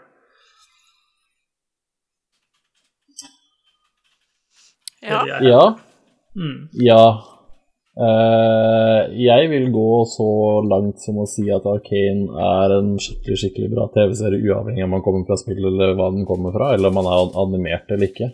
Fordi uh, den er en av de beste TV-seriene jeg så i fjor, i det store og det hele, liksom. Jeg syns den var dritbra. Ikke bare altså alle de helt åpenbare tingene med liksom animasjoner og den visuelle stilen og alt mulig sånn, altså det er helt teit bra. Det ser alle, men det er altså historiene de forteller og figurutvikling og sånne ting. Jeg syns det bare Jeg syns den var helt konge. Jepp. Jeg er litt sånn målløs av hele serien, fordi det var så Det kom så fra left field også, så uventa på en måte. I hvert fall de, de som er veldig inne i det, følger veldig med, var vel klar over at Riot holdt på med en animasjonsserie som de brukte fryktelig masse penger på. Eh, men det hadde ikke jeg fått med meg. Så med en gang denne datt inn på Netflix, jeg fant ut jeg kan jo kikke på den første episoden, så ble jeg bare helt bergtatt ifra liksom første episode. Um, Ja. Så jeg gleder meg masse til neste sesong, for å si det sånn. Årets, ut, årets uting er at uh, Overwatch ikke har uh, noe tilsvarende. Ja, vet du hva det var... Altså, Activision Blizzard er årets uting, så vi kan godt si at det var medvirkende, det også. Det er helt Ja, greit. dette er, er med å trekke ned. Ja. Som trekker de opp, eller ja. Ja. Wheel of Time-TV-serien, Håvard. Uh, ja, den syns jeg er eh, Den første sesongen, i hvert fall, har eh, vært skikkelig kul. Um, de har gjort noen endringer fra boka som gjør at den liksom føles veldig forhasta, sammenligna med det boka gjør, som går uh, i slow motion til tider. Um, men sånn i det store og det hele så syns jeg det funker veldig bra og er veldig kult. Og um, Hva heter hun? Moira Moiraine er eh, om mulig kulere i, eh, i serien enn i boka. I hvert fall så langt jeg har lest. Jeg har bare lest 70% av bok 1 eller noe sånt. Um, det tok ikke lang tid før de tok meg igjen, eh, så jeg mista litt motet. Men jeg skal kjempe meg gjennom på et eller annet tidspunkt. Altså Fordelen med serien er jo at du trenger ikke å bruke liksom 10-15 sider på å beskrive broderiet på kjolen til tjenestepiken som går ut av døra i løpet av de neste to sekundene. Du kan bare vise det. Eh, og, så, og så går det litt fortere. Men ja, pacinga i serien er litt weird. Eh, og jeg skjønner at de gjør noen grep for å liksom eh, på en måte hekte folk da, som kanskje ikke har så mye kjennskap til eh, universet, samtidig som de utelater en del ting. Eh, og, og tar med ting som bare gir mening for de som har lest bøkene. Så det er liksom Det er, det er, det er mye rart der, men sånn jevnt over så syns jeg de har gjort en kjempebra jobb med, med castinga, og kostymedesign er dritkult. Og bare måten de fremstiller eh, hvordan de bruker magien sin på, da, som er liksom en jævla stor greie i bøkene, er veldig kul. Eh, og så er den jo så klart eh, hakket skeivere enn det bøkene er. Fordi Robert Jordan er jævlig subtil, eh, i hvert fall når han beskriver forholdet til eh, Swan og Moraine. Men det er grunnlag for det i bøkene. Så det er liksom ikke, Altså- det, er ikke det er ikke rein fanfiction, som noen eh, hevder. tror du må justere mikken din litt. Jeg tror du kanskje vridde den eller et eller annet i stad. Det ble litt lav. Sånn, kanskje. Eh, eh, eh, ja, en av de tingene i serien også som Eller som, som, som fordi at du ikke liksom får innblikket inn i hodene til folk og sånt, eh, så syns jeg at Rand fremstår som en enda større kødd eh, i TV-serien enn han gjør i bøkene. Uh, og det er jo på en måte godt gjort. Um, jeg, jeg, jeg likte Will of Time-TV-serien godt, uh, men, men jeg syns ikke det var den beste TV-serien jeg så i fjor. Uh, og jeg synes Jeg vil også gå så langt som å si at jeg syns sesong to av The Witcher var bedre. Eh, Jeg hadde det mer gøy med den enn med Will of Time-serien. Den syns jeg også var overraskende bra, og mye tightere enn første sesongen. Ja. Det er jo en, liten, det er en slags Segway over til neste nominerte, da, som er eh, Henry Cavill.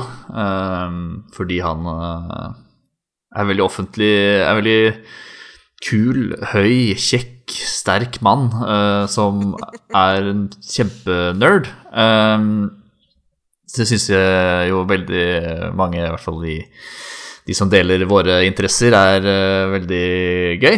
Og at han er liksom med på ja, Kanskje gjøre det litt kulere og jeg skal ikke si mindre uglesett, men uh, litt mer mainstream, kanskje.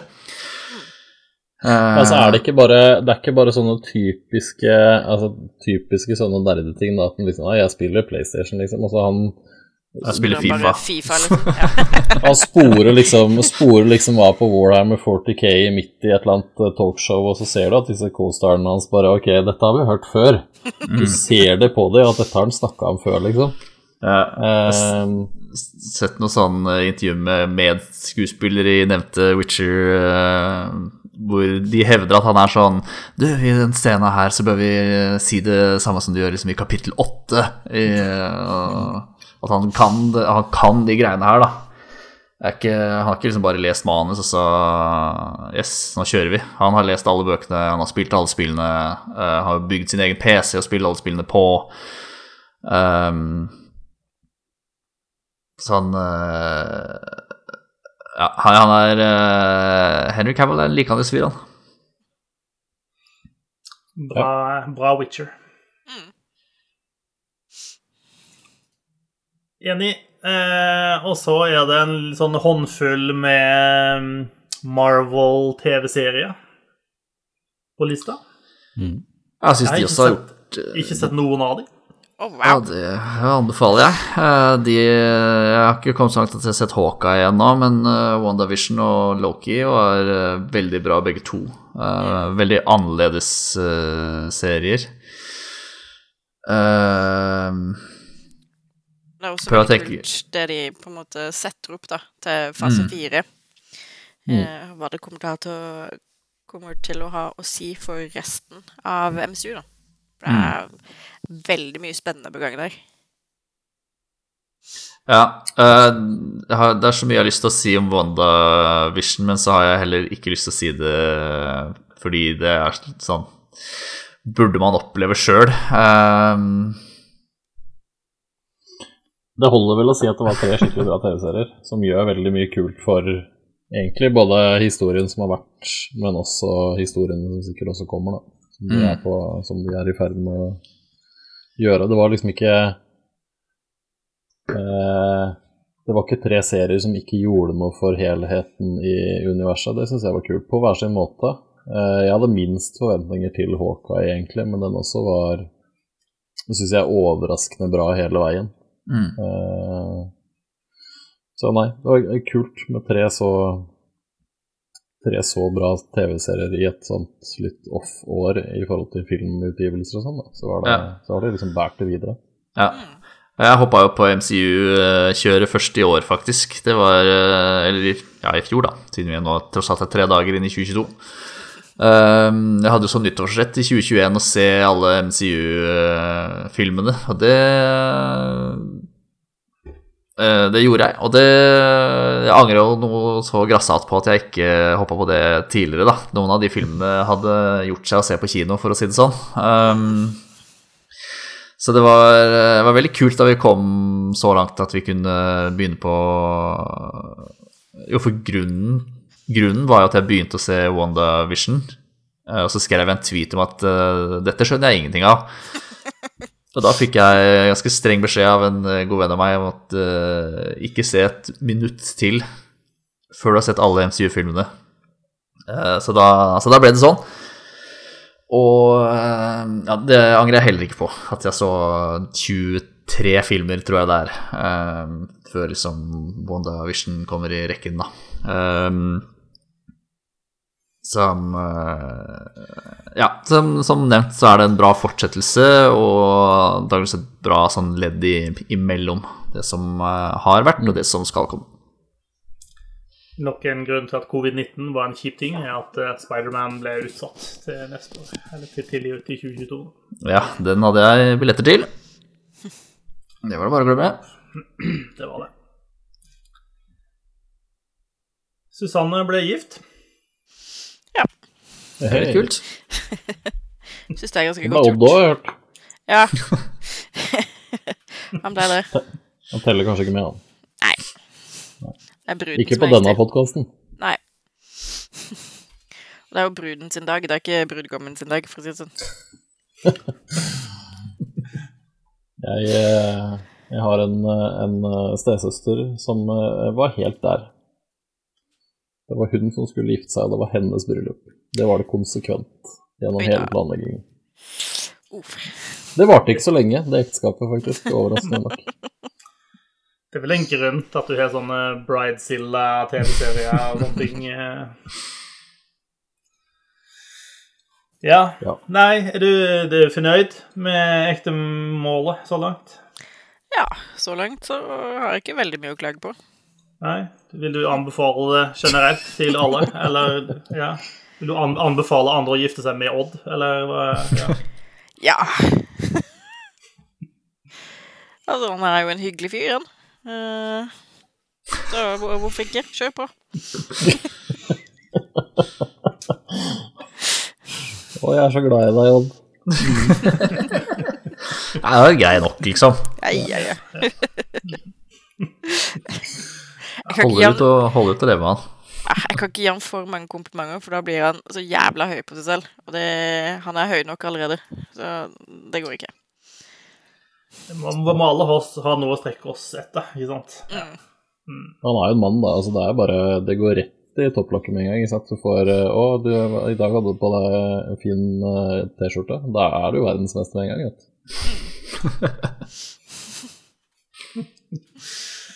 ja. Ja. Gift er bra. I denne forstand. Eh, og jeg, jeg fikk et barn til verden eh, i året som gikk. Kjæreste Det var- det. Det, det, var, det var jo også en ting eh, å gjøre. Eh, det, er litt, det er litt sånn jeg skjønner hvorfor folk gjør det, og jeg skjønner hvorfor folk ikke gjør det eh, samtidig. Eh, det er på en måte Det er en av de rareste, sykeste, mest awesome tingene man kan være med på, og samtidig så eh, holder det på å ta livet av deg innimellom. Eh, så det det anbefales, men eh, du, altså hvis ikke du har gjort det før, så er du ikke forberedt. Eh, det er det vel lov å si. Mm. Ja, Gøran har jo gjort dette opptil flere ganger, så eh, at han fortsatt sitter her, det er jo all, all ære til han for, holdt jeg på å si. Men uh... Ja. Jeg føler kanskje at dama hans også har bidratt bitte litt, kanskje? Ja, det er altså det er uten tvil. Uh, jeg, jeg er ikke alenepappamateriale i det hele tatt. Det Nei da. Ja, nei, eh, jeg har et barn som fylte 18 år og er voksen plutselig, så jeg har på en måte Jesus. noen på ryggen nå. Mm. Det Nei da. Det er, ikke, det er ikke for alle, og det er helt fint. Det er ikke jeg. du får gi beskjed når han skal overta setet ditt eh, i podkasten, Johan. Det kommer, det nå. Mm. Jeg må bare få den over på litt andre spill enn Genshin Impact og Warframe. Sure. Ja, det blir litt vanskelig å rangere da, når vi på en måte har med barn og giftermål her. Så føler jeg på en måte at eh, da, da er vi på tynn is med en gang vi skal begynne å luke ut en eller to av de. Ja, så kanskje vi skal lu- luke ut de to, er det du sier? Jeg vet ikke, jeg føler kanskje Jeg føler kanskje giftermålet til meg og Odd var bedre enn første sesong av uh, Wheel of Time. Ja, da syns jeg kanskje vi kan ta Syns du det? Ja Det var jo, det var jo uh, Den siste episoden var fet, da. Ja, det er sant. Eh, men vi hadde bedre pacing. uh, syns jeg. Bedre pacing, ja. Mm. Bedre, Bedre piercing. Bedre kostymedesignet. Ja, det er helt riktig, det. Den var top notch på bryllupet deres. Ja, nei, jeg, Nei, jeg syns vel- ja. Kom igjen, du. Uh, Arcane på første. Jeg syns den er så bra at den fortjener det. Ja, bare, og, men også fordi den er liksom spillrelatert, så den, den huker liksom av flere bokser. Enig. Ja, jeg har ikke, jeg har ikke rukket å se den ennå, men jeg har hørt utelukkende bra ting og um, den eh, skal vi si, impacten den har hatt kanskje da i hele gamingmiljøet utover League of Legends-fans, eh, gjør kanskje at den fortjener den uh, topplasseringen som årets ting. Jeg har ingen problemer med det. Ryktene skal ha det til at, eh, at League of Legends-fans er folk, eh, og de er kjipe. Eh, så jeg syns jo det er helt Nei, greit at, det- de ikke tror- får, at de ikke de får eierskap over noe som er så bra som Hurricane, men at det kan heller eh, spres eh, også til andre som er, er hyggelige mennesker. da. Jeg tror du må skille mellom League of Legends fans og League of Legends spillere her, for spillerne vil vi ikke ha noe med å gjøre. Nei. Nei. Fair, fair enough. Det kan godt være det er en distinksjon der. Ja. Ja, jeg er med på du Arcane på første. Cavill uh, honorable mentions. Yep. Because biceps, eller noe. Altså, det er god nok grunn til å putte den på en andreplass, spør du meg. Ja, I tillegg til alle de andre tingene vi har nevnt, Mm. så trekker jo ikke bicepsene ned, for å si det sånn. Nei. Han bruker vel sikkert mest til å løfte opp. Og så tenker jeg at dere som har sett uh, disse Marvel-seriene, kan få krangle om uh, de er bedre enn Wheel of Time eller ikke. Nå er vi jo, Det er jo litt urettferdig at vi har satt tre serier opp mot én, da. Um, Ja, men eh, ja. jeg, du blir mer forbløffa av WandaVision enn av Wheel of Time, sånn totalt sett. Ja, ja, jeg ja. Mener, mener, Ja. mener jeg. enig. jeg tror nok jeg må Wheel of Time er litt campy innimellom. Mm. Men på en bra måte. På en morsom måte. Men det er ikke, det er ikke alltid Wheel of Time-serien som er dritbra. Det er det ikke. Nei, jeg er med på den.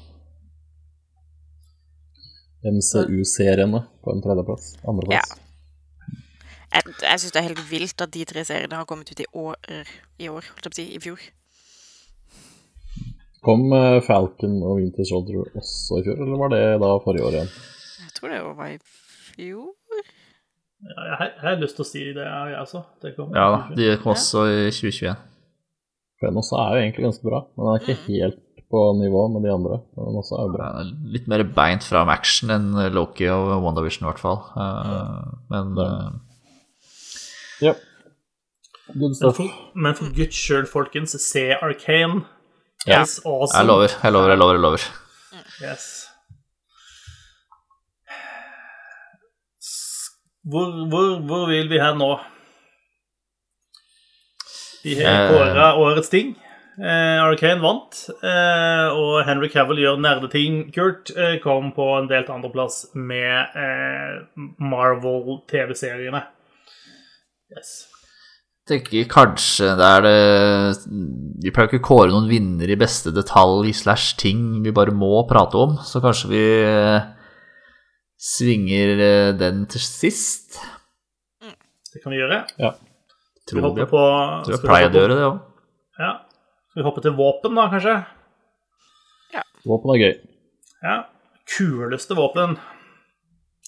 Der, der er det jo faktisk en liste eh, vi må jobbe oss gjennom. Jeg kan lese den kjapt eh, for dere. Der har vi altså Agent 47, er tydeligvis nominert som et våpen i seg sjøl, forståelig nok.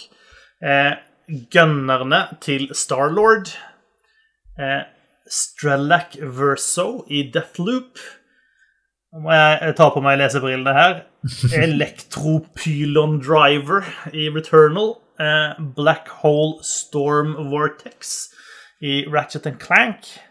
Rot i Kena. Mastiff i Necromunda. Funeral Pyre i Outriders. Bua i Bua? Buen? Bua. Er det det? Buen? Ja, buen. Pi- Pil og buen ja, i Monster Hunter Rise. Grapple hooken i Halo Infinite. Eh, gitaren i The Artful Escape.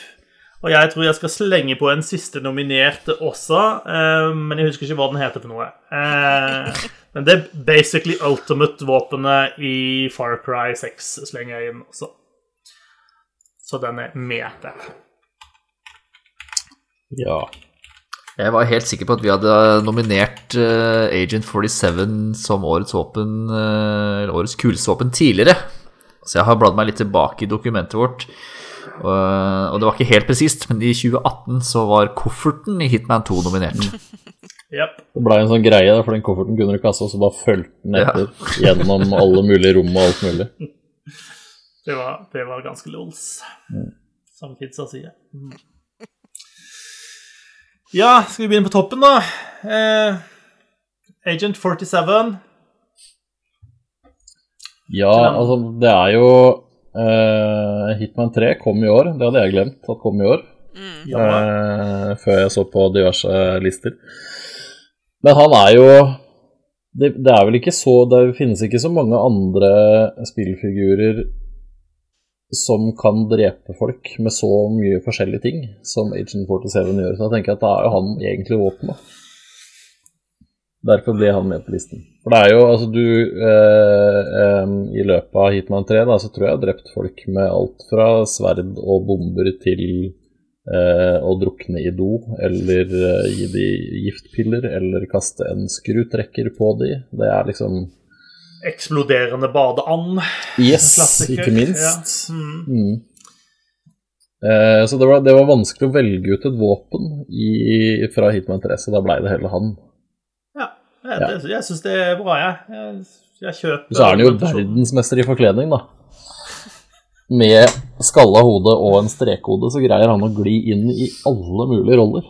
Det er så bra du kan ha to folk som står og prater med hverandre, som sikkert er kollegaer som jobber sammen, eh, og så går han ene bort i et hjørne, så bare kakker du han i huet, tar kostymet hans, og så kan du gå bort og prate med kollegaen hans igjen, og han skjønner ikke at det er Agent 47 og ikke kollegaen hans eh, lenger. Det er Mwah.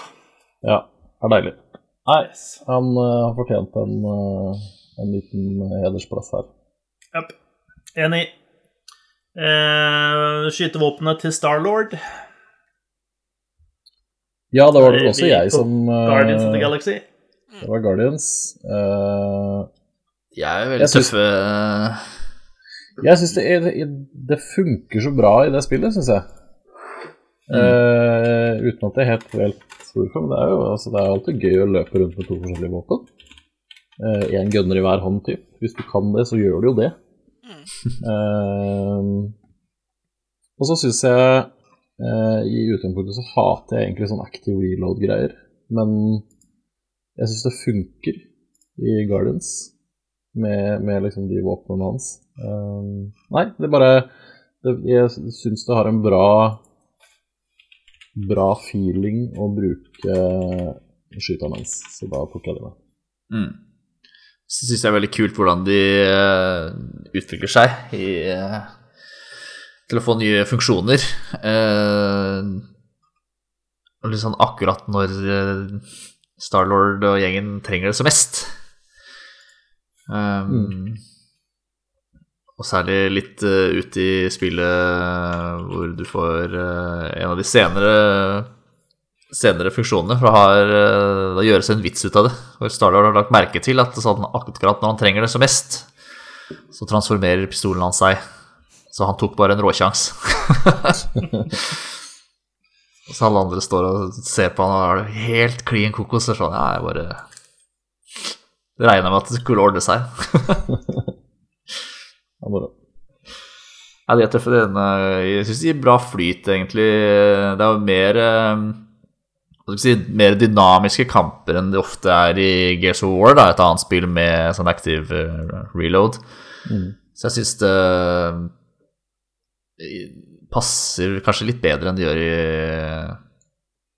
i Game of Thrones også. Uh, hvor du, du liksom løper rundt hele tiden og uh, Føler liksom du a- aktiverer Starlord i kampen også, da, ikke bare sender eh, de medhjelperne på eh, for å gjøre ting. Så husker du liksom på at Starlord også er en del av, eh, av kampen. Han er liksom ikke bare en sånn passiv som bare holder inne R2 og, og skyter. Mm.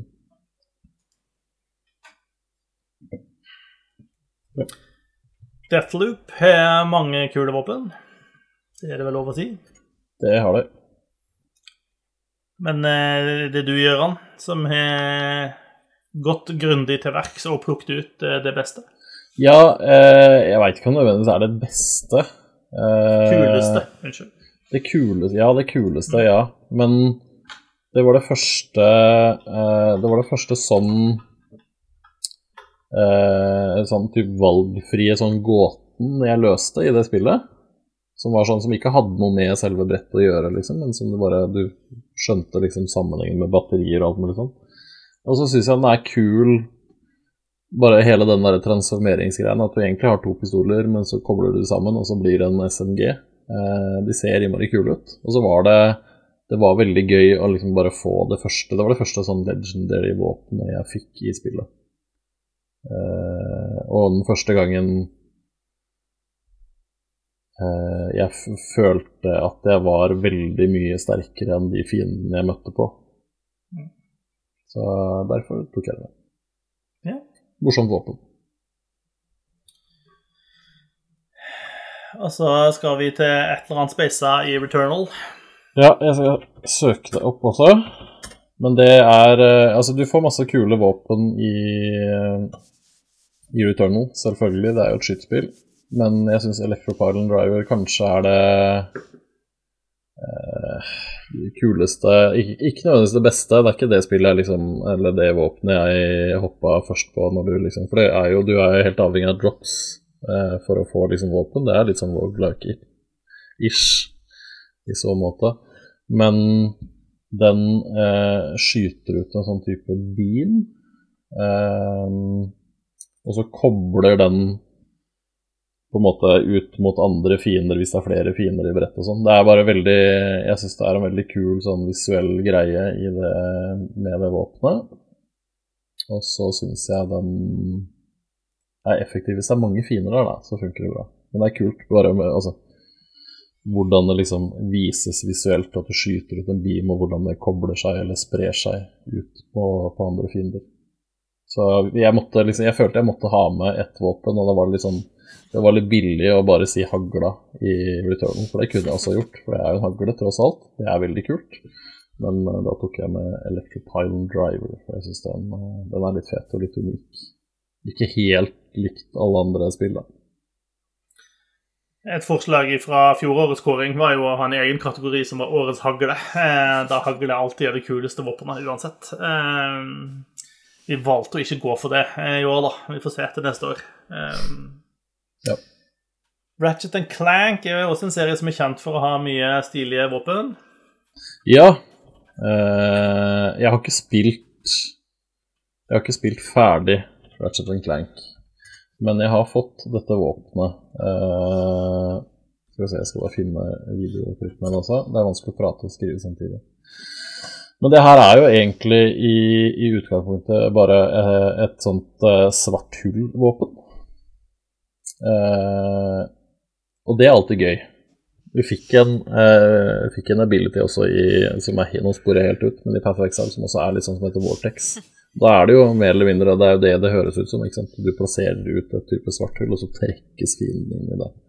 Eh, Black Hole Storm begynner det som, skyter ut masse sånne små greier, og så oppgraderer du alle våpnene i Ratchet. Da. Men når du oppgraderer det våpenet her opp til et visst nivå, så blir det da Black Hole Vortex, og da får du liksom denne større effekten der det liksom drar til seg fiender. Men Ratchet Clank er jo Altså, det er jo våpenmoro, hele spillet, liksom. Det er jo en hel haugevis av sånne crazy, idiotiske våpen i det spillet der. Det er liksom litt av greia. Men det var det jeg liksom huska, huska best sånn i, i første omgang. Yes. Så er det Rot ifra Kena. Ja. Kanskje ikke kuleste våpen, men eh, desidert søteste våpen. De er jo det.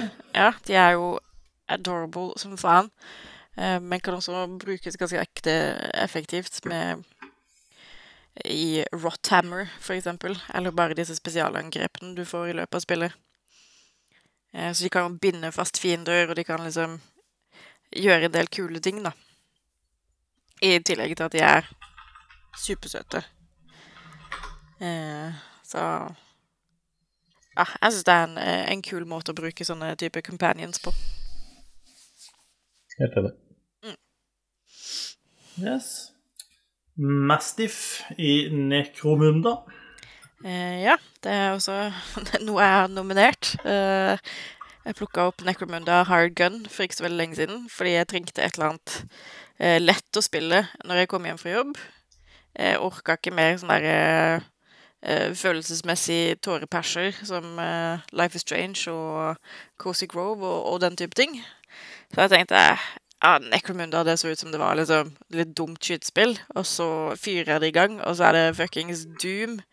Eh, bare satt til liksom Warhammer 40K-universet. Eh, og jeg har aldri vært så stressa i hele mitt liv. Siden forrige Doom-spill, da, eh, så klart.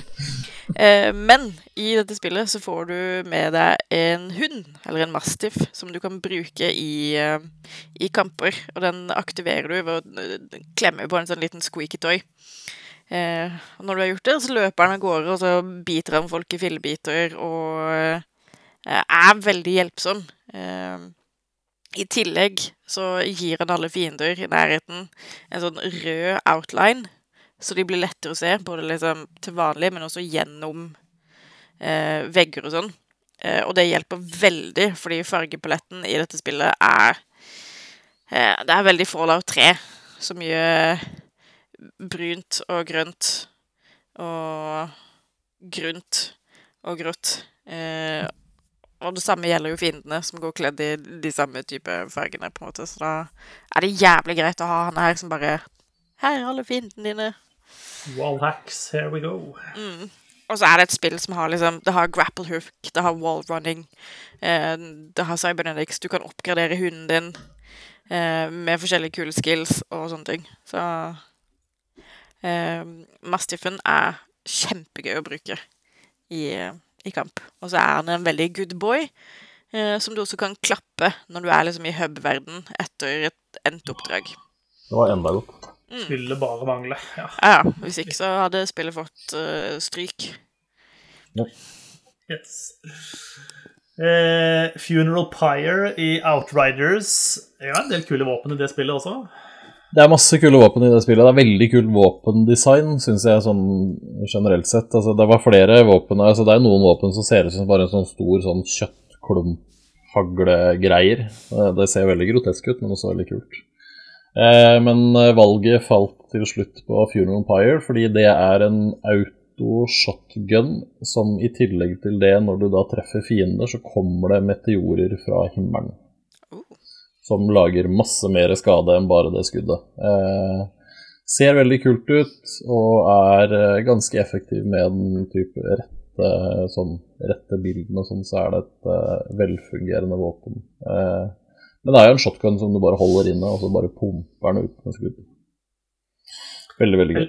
Jeg liker jo den liksom, runden rundt i det bordet. Bare sånn OK, vi skal lage hagle. Det skal være mer hagle enn en vanlig hagle.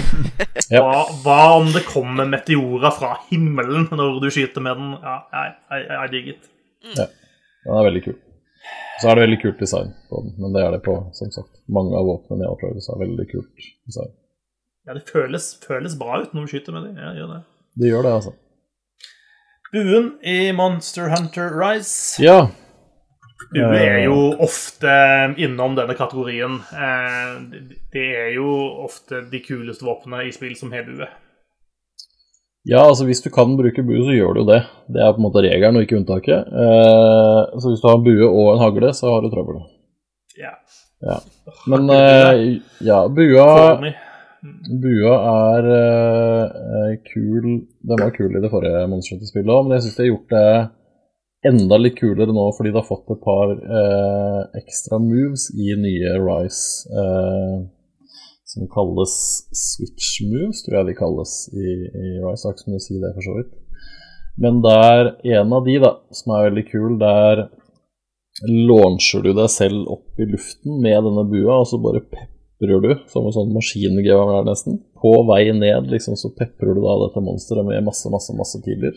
Eh, og det er eh, veldig Det ser veldig kult ut. Det føles veldig awesome når du får det til.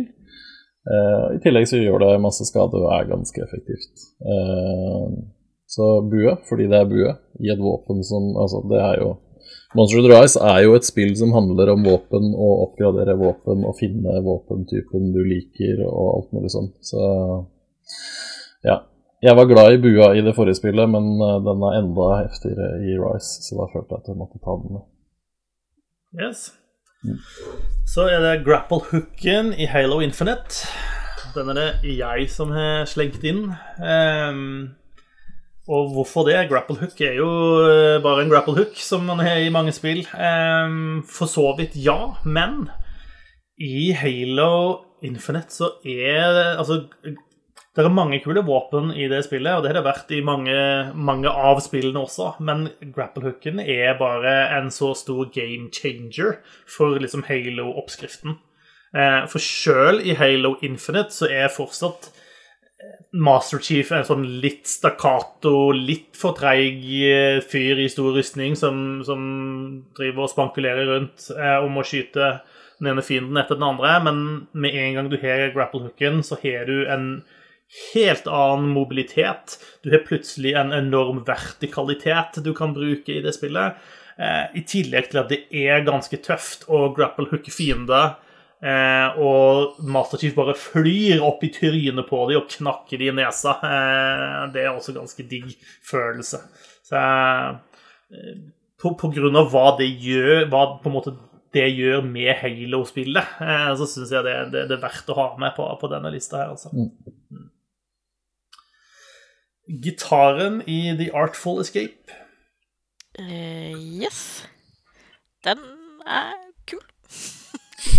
du kan Seinere ut i spillet kan du også uh, customize den litt som du vil. Uh, men teknisk sett så er det jo ikke noe våpen, fordi det er jo ikke noe slåssing i The Artful Escape. Det er bare å løpe rundt og liksom lage jævlig kul eh, musikk. Eh, men det kan du med den gitaren, og du bruker den i, i bosskamper, da. Eh, hvor man istedenfor å slåss eh, lager harmonier. og skal prøve å liksom utspille hverandre, da. Eh, den er jævlig kul. Eh, lager veldig bra musikk. Eh, og den liksom, kan bli jævlig stilig når du får tilgang til å customize den. Eh, I tillegg til at det ser og høres veldig stilig ut når du løper rundt i disse forskjellige verdenene og hopper rundt og shower og tjoer og heier. Og alt rundt deg på en måte lyser opp og eh, kommer til liv, da. Eh, det er riktignok Det er jo ikke en hagle, men eh, den har en veldig kul funksjon eh, allikevel, syns jeg, da. Litt sånn Devil Went Down to Georgia-opplegg. Eh, kan like det.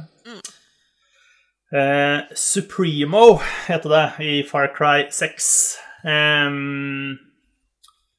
Far Cry 6 er ikke det beste spillet som kom ut i fjor. Det, det kan man sikkert være enige om, alle sammen. Eh, men den eh, Jeg tør vel kanskje si den eneste nye tingen eh, den serien, det spillet gjør for den serien, er å introdusere Supremo-biten, egentlig. Eh, og det Supremo er, det er en slags ryggsekk eh, som du kan modifisere til å gjøre ganske mye rart og forskjellig. Eh, og det det er i praksis, da, i sånn spillogikk, er det er ultimate-våpenet ditt som lades opp av at du gjør masse skade på fiende, og så kan du da aktivere Supremo. Eh, og den kan gjøre masse kult, eh, alt etter hvordan du velger å modde den. Det kan være alt fra masse raketter som flyr ut og regner ned død og fordervelse på fiendene dine. Eh, det kan være en sånn enorm sånn EMP-puls som bare slår ut all elektronikk. Den kan gjøre ganske mye kult, da. Så og, nettopp det at du kan endre den etter din spillestil og sånt, syns jeg gjør at den, den, hører hjemme på denne lista. Det er eh, Våpnene er vel kanskje det beste i Far Cry 6, eh, stort sett. Eh, og, og, de har lagt mye fokus i nettopp at du kan modifisere alt mulig. og eh, fordi at man er sånn geriljaopprørere, så er liksom alle ting sånn hjemmesnekra og sånne ting. Eh, og skal liksom bære preg av det. Kjøper ikke nødvendigvis alt det, men, eh, men Supremoen den, den, den, var faktisk ganske artig da. Den gjorde det mer gøy eh, å løpe rundt og gjøre de relativt generiske oppdragene i det spillet. Mm. Så er det kommet enda en eh, late edition eh, inn på lista her. Ja, eh, jeg kom på én ting. Eh, det er også fra Gardens of the Galaxy.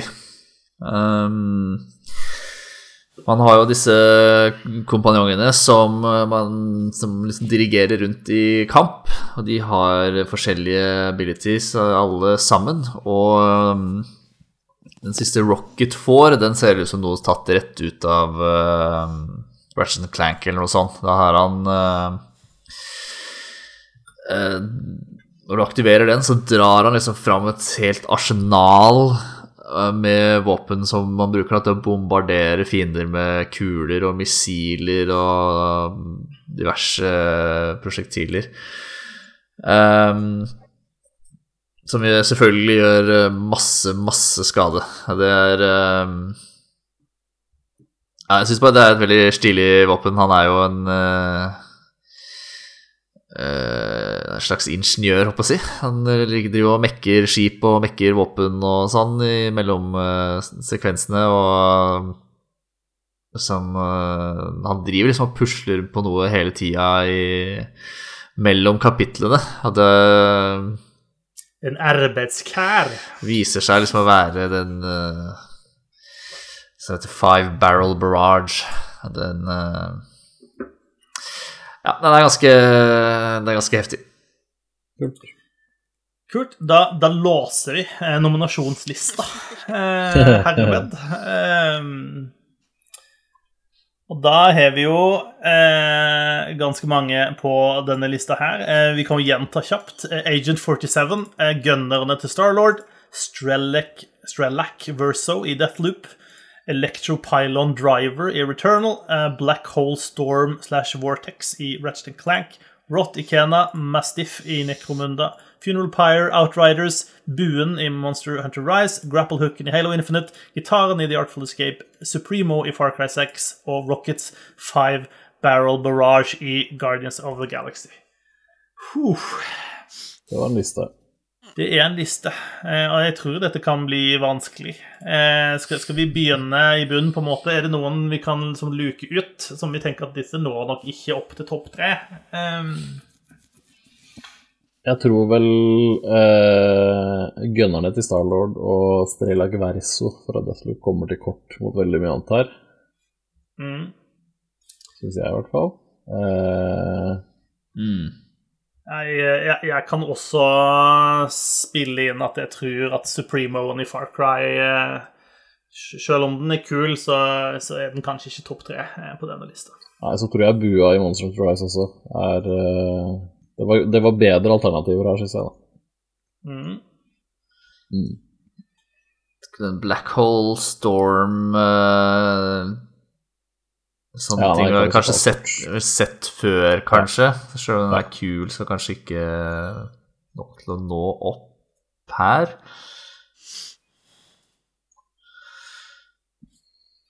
Nei. jeg syns grapple-hooken i Halo uh, virker veldig kul. Og liksom beskrivelsen til Marius syns jeg gjør at den kanskje ikke bør ryke nå, i hvert fall. Nei, jeg syns eh, Nå har jeg spilt mer ikke, Jeg har ikke spilt så mye mer multiplayer, men jeg har spilt en del mer singleplayer eh, i hele Infinite, og jeg syns den gjør Den gjør såpass mye med et altså en, et kjent spill. Da. Den gjør så mm. store endringer i det spillet bare ved å være det den er. Så jeg syns den Jeg syns kanskje den fortjener det litt på grunn av det òg. Eh, altså Du kan bruke den veldig aktivt som et våpen, både multiplayer og i, i andre kamper, men jeg syns den også gjør Den gjør noe nytt da i, i Halo uten at den ødelegger Halo-følelsen. Ja. Jeg syns det var et godt uh, en bra nominasjon. Kan nok altså ta ut Rockets Five Barrel Barrage. Det er også Ganske sikker på at vi har sett noe lignende i Ratchet Clank der også. Ja. Ja. Jeg tenker gitaren kan ut, fordi det strengt tatt ikke er et våpen. Den er jævlig kul, da. Ja, den er jævlig kul, men uh, uh, den, den hører liksom ikke helt hjemme i den kategorien. Funeral Pyre var jævlig rå, da. Mm.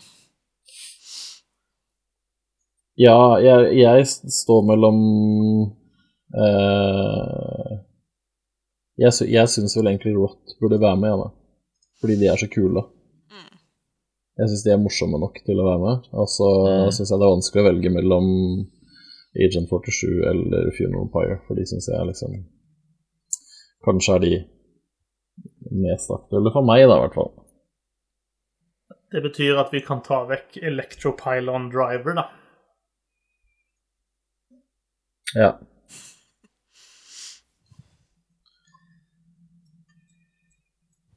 Det vet jeg ikke. Jeg, jeg, jeg synes det lukter at Funeral Pyre hører med på topp tre-lista.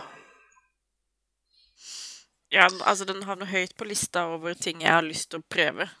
Mhm. Eh, Så det Jeg føler eh, den hører hjemme, og vi kan ikke ha en sånn type kåring uten å ha med en hagle. Det blir jo for dumt. Nei. Mm. Ok, men da gjenstår spørsmålet. Eh, mann, eh, små, søte ting, eller en hund? Ja, det er jo Altså, i, i hvilke som helst andre tilfeller av menn, så hadde du på en måte den ryket først. Men her er det jo, her er det jo den der, da. Mm. Men jeg er også slenge inn argument, eller samme argument da, som ble brukt på eh, gitaren i Art for the Escape. Mm. Er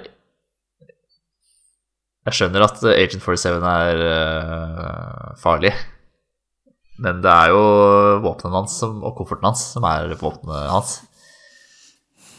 Ja. Ikke minst hans uh, vinnende personlighet. Ja. Jeg, er jeg, jeg er for så vidt enig i at altså Agent 47 er kul, og han eh, alt det der, men Agent 47 er den samme som han var i Hitman 2 og i Hitman 1. Ja. Så, så sånn sett så kan jeg leve greit med at han eh, hadde ikke noe opp i denne kategorien. Jeg tenker Mastiffen kan kanskje ut den også, for den er jo teknisk sett ikke et våpen. Den er bare en veldig voldelig kompanjong. Du sa at den biter folk. Det høres Den gjør det. Den gjør det. Ja. Den, den dreper folk over en, eh, over en lav eh, pote, holdt jeg på å si. Men uh, det blir jo litt det samme som Agent 47, da. Tenker jeg.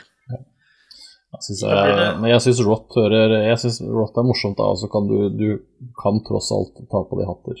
Mm. Bøttehatt. Bøttehatt. Er med. På et våpen. Mm. Jeg mener jo altså. ja. What's not to like? Ja, det høres jo ut som om vi har noen som må være med her. Årets bøttehatt, det har vi glemt å ta med. Da har vi bestemt oss for en topp. Da har vi bestemt oss for en eh, Eller for de som er på pallen, da. Det har vi. Det er Så er grapple det- hooken i Halo Infinite. Det er Funeral Pyre, eh, altså hagla med meteorstormen i, fra Outriders, og det er eh, Rot fra Kena. Hvem, hvem, hvem stikker av med dette?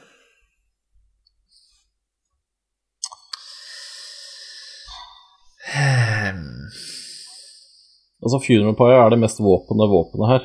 Mm. Yep. Det er det. Men Og scorer sikkert høyest på kulest-kategorien, på en måte. På mest sånn Mm. badass-våpen. det Ja. syns jeg. det er vel en definitivt si. gjør det. Men grapple-hooken er viktigere for spillet Halo Infinite enn det Pune Empire er, for det er bare ett av veldig mange våpen, og det er ikke det beste våpenet. Det er kanskje det kuleste, men det er ikke det beste. Eh, som en gang jeg fikk andre våpen enn det, så slutta jeg å bruke det. Men denne, denne kategorien er kuleste våpen, Ja, det er kuleste ikke våpen. Våpenet som gjør mest for spillet. Nei, det er sant. Da lurer jeg på om kanskje Funo Empire hører hjemme der, altså. for det er tross alt en autohagle som regner meteorer. Høres eh, litt sånn ut, altså. Ja. Og tross bøttehatt, Tross bøttehatt. så Ja, nei, jeg syns det høres fornuftig ut, egentlig. Ja. Ko-ko. Fabulous. Vi kåra årets eh, 2021s kuleste våpen. Uh, Funeral Pyre Outriders. Det er verdt å sjekke ut, altså, for de som ikke spilte Outriders. Uff. Det var nok en kategori over, og definitivt kategorien med flest nominerte. Uh, for now. Uh, det dukker jo opp nye ting her. Se her. Så vi da over til årets karakter skråstrek helt. Um, ja, jeg vet ikke hva definisjonen sånn nøyaktig var på denne kategorien, men det er på en måte årets karakter, men ikke nødvendigvis antagonist, kanskje. Eh, men det kan være på en måte helten i spillet, eller det kan være en bikarakter, en sidekarakter, som bare er skikkelig, skikkelig bra, eh, og vi syns er worthy of praise. De nominerte er Chorizo i Far Cry 6, Colt i Deathloop, Drax i Guardians of the Galaxy, Celine i Returnal, Alex i Life is Strange True Colors, Dicey i Lost in Random, Master Chief i Halo Infinite og Rivet i Ratchet and Clank. Yes. Ja. Da føler jeg på en måte at vi Jeg syns det er dårlig gjort at man har chorizo på førsteplass. Er Han det, er helt konge. det er huden, er det ikke det? Chorizo er hunden i Far Cry 6. Eh, og det er en veldig sånn søt liten pølsehund som har skada begge bakbeina sine, og derfor har bakbeina på en sånn liten kjerre som han driver og løper rundt med. Eh, og han er alltid glad og blid og er verdens mest hyggelige og fornøyde lille hund. Eh, og det er mange sånne animal friends du kan ha med deg i Far Cry 6. Eh, og alle kan du liksom bruke som våpen, sende de til å angripe fiendene. Eh, når du sender chorizo på en fiende, eh, så løper han bort til fiende, og så står han og gjør litt sånn gøyale triks, eh, sånn at fienden blir distrahert, eh, sånn at du kan snike deg forbi og gjøre det du skal gjøre. Fordi han er så søt at sjøl slemme fascister ikke klarer å gjøre noe annet enn å bli sjarmert eh, og begeistra. Eh, og, hvis, og hvis det blir fisticuffs, eh, så gjør han også det han kan for å bite folk i leggen eh, og, og gjøre motstand. Eh, så chorizo er definitivt det beste med Far Cry 6. Det er det ikke tvil Høres ut som en vinner for min del. Jeg trenger ikke å høre noe om de andre. Nei, du, takk for i dag, egentlig. Altså, Takk for i dag. Um, vi, vi, vi tar de øvrige nominerte også, tror jeg. Um, Colt i Deathloop er jo ganske Ja. kul, da. Jeg syns det er en veldig Altså, jeg syns ja, altså, jeg syns jo historien i Deathloop er veldig kul. Jeg syns måten historien blir fortalt på, med hele den derre back and forth med, med Colt og hun eh, som jeg ikke husker navnet på nå. Eh, og så gjør jo selvfølgelig eh, stemmeskuespilleren gjør jo sitt til at eh, Colt blir så kul som han er. Jeg syns han gjør en veldig, veldig bra tolkning, eh, jobb, med stemmeskuespillet sitt. Og så syns jeg det bare Jeg, jeg syns hele ehm, Jeg veit ikke. Han er litt sånn der eh, drittlei gi faen-mentalitet på en eller annen måte, som jeg syns er jeg bare Ja. Jeg liker det veldig godt. Jeg syns han er en kul, kul figur. Jani. Ja. Kul er egentlig det beste ordet å beskrive det. Det er sånn Ja. gjennomført kult, eh, alt sammen. Ja. Drax i Guardians of the Galaxy. Ja, det var jeg som skrev eh, Nå har ikke jeg spilt det ferdig, men eh, Drax er kul, da. Mm. Jeg syns han er veldig kul, og så syns jeg de ehm, Jeg syns de eh, Jeg syns de greier å få til den Altså den derre rett fram-Draxton som han liksom er. For han, er jo, altså han sier jo ting rett fram, og han er sånn som han er. Eh, men han har allikevel en eller annen dybde i spillet. Altså har ikke jeg kommet så langt at jeg sikkert får se om det, om det går noen vei eller ikke. Men det er liksom mer ven enn bare badass eh, jeg drepte Thanos, da. Eh, så jeg, jeg, jeg, gleder meg til å se resten av Guardians. Fordi jeg syns ikke bare Drax, da, men jeg syns også Jeg synes han kanskje er litt sånn standout-kul allikevel. Ja, han er jo Han eier jo ikke sosiale antenner for eh, fem platte øre. Um, og skjønner ikke ironi og sarkasme. Um, så han har kanskje noe av det beste manuskriptet i det spillet, og sånn som Gøran er inne på, at han Han er jo bare en sånn uh, killer machine. Han, uh, han er en kriger som uh, først og fremst vil ut og sparke rumpe, men de viser noen sider ved han i Noen helt andre sider ved han i, i spillet også, som er noen, uh, det er noen øyeblikk der som man sitter igjen og husker da, etter å ha spilt uh, det spillet. For den Ja, er så annerledes da, det enn Drax vi ser stort sett. Mm. Kult. Celine i Returnal. Ja. Eh Celine er jo hun hoved, hovedfiguren, hun du spiller som. Eh, og jeg syns altså det kuleste, kanskje, da, med, med Celine og, og, Returnal, er at det er eh, en veldig sånn weird måte å fortelle historier på. Eh, for det er et rogelike-spill, og du på en måte utforsker litt de samme stedene hele tiden. Eh, men når du dør, så våkner du opp igjen, og så er det en eller annen sånn type timeloop eller et eller annet. Altså det finner du ut eh, etter hvert i spillet. Men du våkner opp igjen, og så går du rundt, og så finner du på en måte eh, opptak av deg selv, der hvor du prater liksom om, fra fremtiden, typ, da uten at du husker det selv. Det er en veldig, sånn, veldig rar måte i starten, men også, når du liksom kommer litt inn i det, så er det en veldig kul måte. Og, og i tillegg til at du liksom utforsker den verdenen som du har kommet til, så går også Celine gjennom en del sånne personlige traumer typ eh, fra gamle dager og oppvekst og sånne ting, som jeg syns de, de handler det veldig bra i spillet. Eh, og så syns jeg hun gjør, stemmeskuespilleren altså, igjen, da, gjør en veldig bra figur. Eh, så um, det var vel den delen av Returnal som overraska meg mest. Ikke at liksom, gameplay var smooth, og at lyd og, og design og alt mulig sånn var bra, men at liksom den At de greier å vise hennes, hennes personlighet og hennes historie på en såpass bra måte som de gjør. Så derfor vil jeg ha henne med. Kult. Alex i Life is Strange True Colors. Yes. Uh, Alex er jo uh, hovedkarakteren i Life is Strange og er en veldig uh, dysfunksjonell og mistilpassa person som har på en måte hoppa litt rundt fra fosterhjem til fosterhjem. Sliter veldig med å stole på folk og slippe folk inn. har liksom veldig mye sinne i seg, da.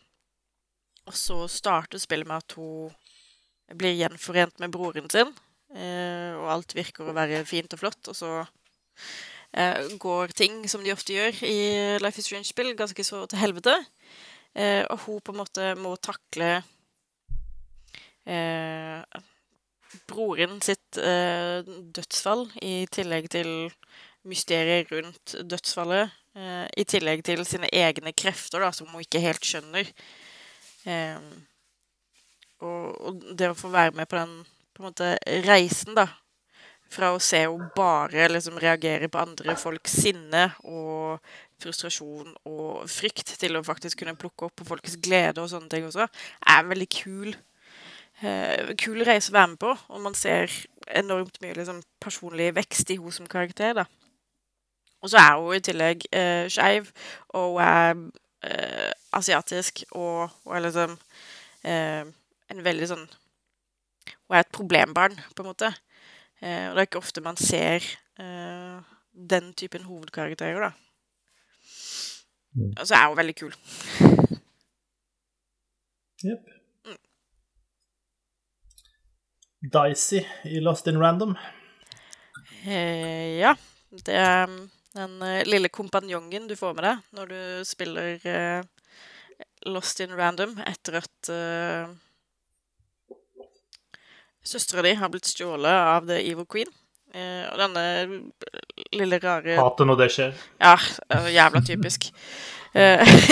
Så den lille tassen kan du på en måte Han blir med deg på alt og hjelper deg på ferden. Og er basically en sånn liten mini-Tardis fordi han har masse eh, rart på lager i den lille kroppen sin. Og så er han liksom uvurderlig hjelp i, eh, i kamper og sånn.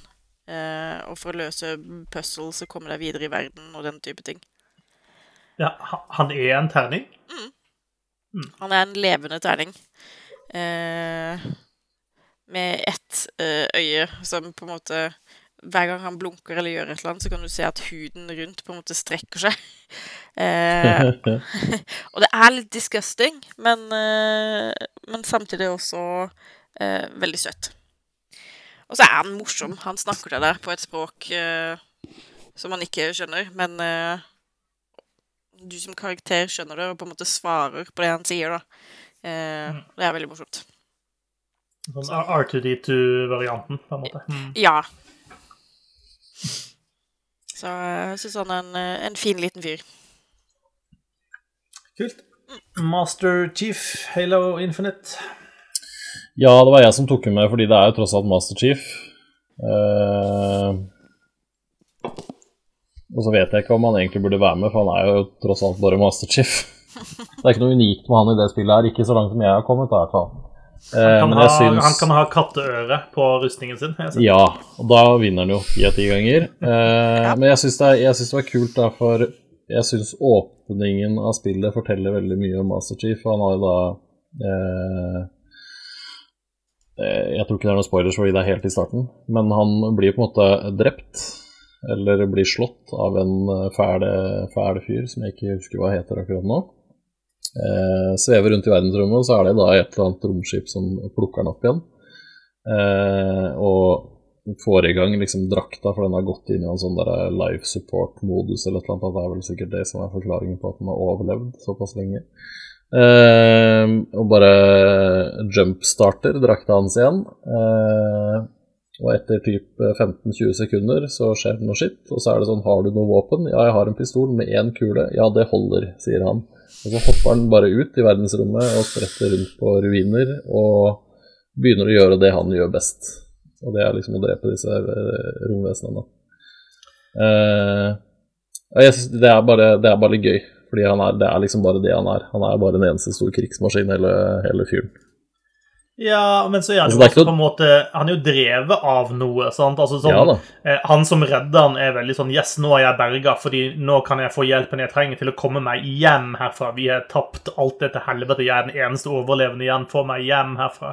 Men Master Chief bare Nei, nei, vi, vi må ordne dette. Eh, og det er oss mot en hær. Det går ikke an. Jo da, vi, vi må det. Eh, det er sånn Protect humanity at all cost. Uh, ja. Han har, han har kanskje ikke helt dybden til en del av de andre eh, karakterheltene vi har nevnt her, men eh, han er på en måte Han er det han er, da, i hvert fall. Yeah. Ja. Rivet i Ratchet Clank.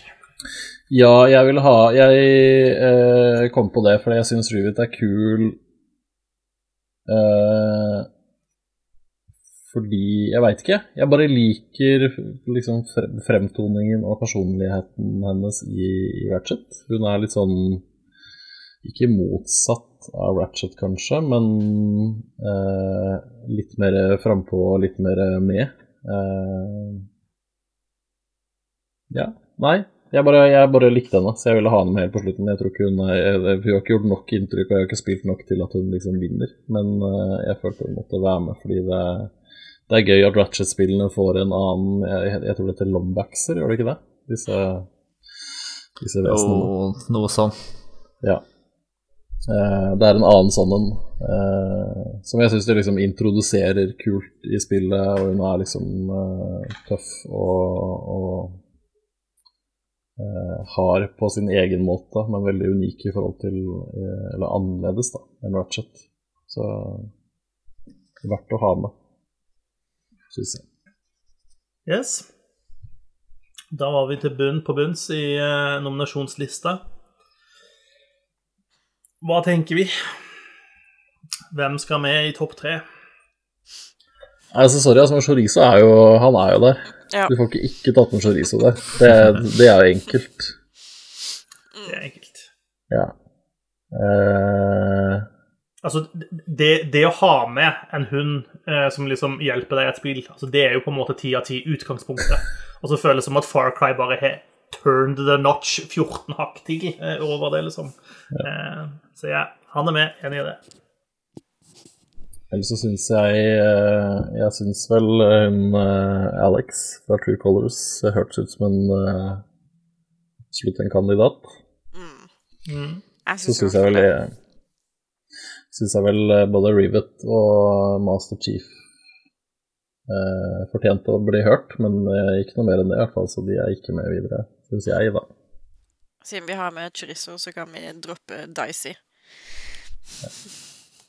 Tenker jeg. Kan, kanskje Colt eh, får være med på topp tre?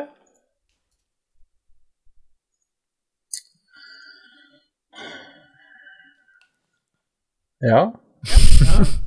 Jeg syns jo, jeg syns jo altså Colt sammen Jeg syns jo han Hans figur og hans Altså, han bærer jo hele spillet der. Det er jo han det handler om hele veien. Det er han som bærer det, det er han som gjør hele den greia, setter hele tonen i spillet, da.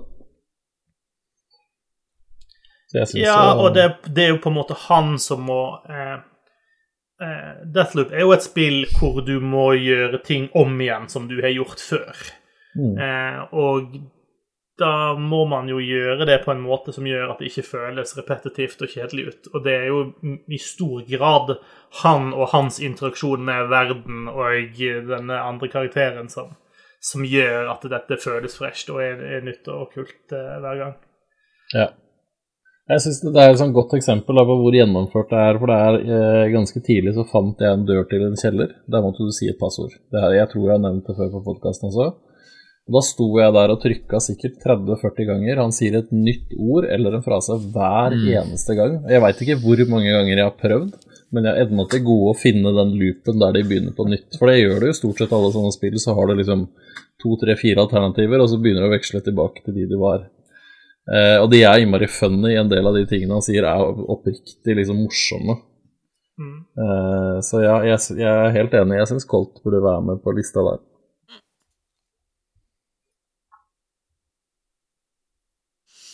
Da lurer jeg på om kanskje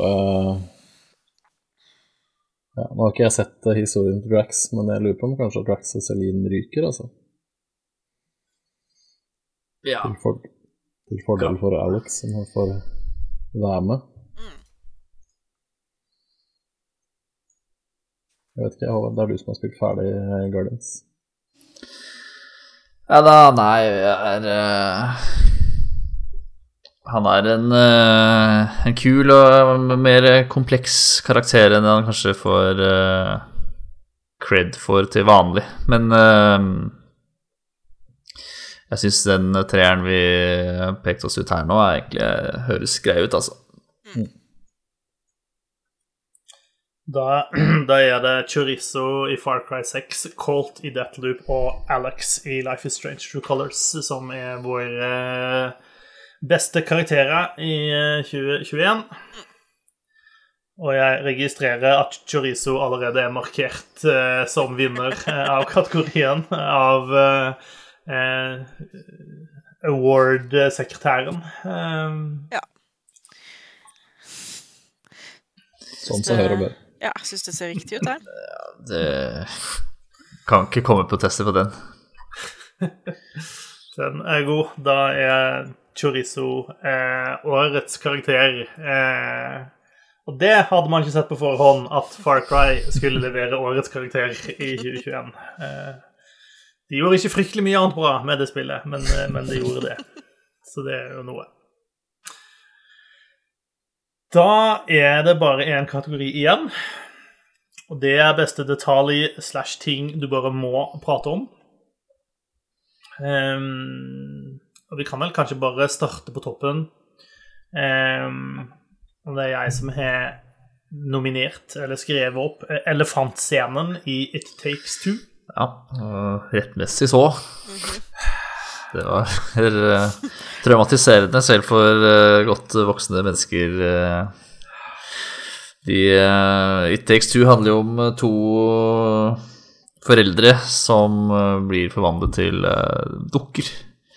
Og de tror eh, på et tidspunkt at måten å, å bli forvandlet tilbake er eh, å bli truffet av eh, dattera sine tårer. For det har de lest i et eller annet eventyr. Yes, de, må, de må få henne til å grine. Ja.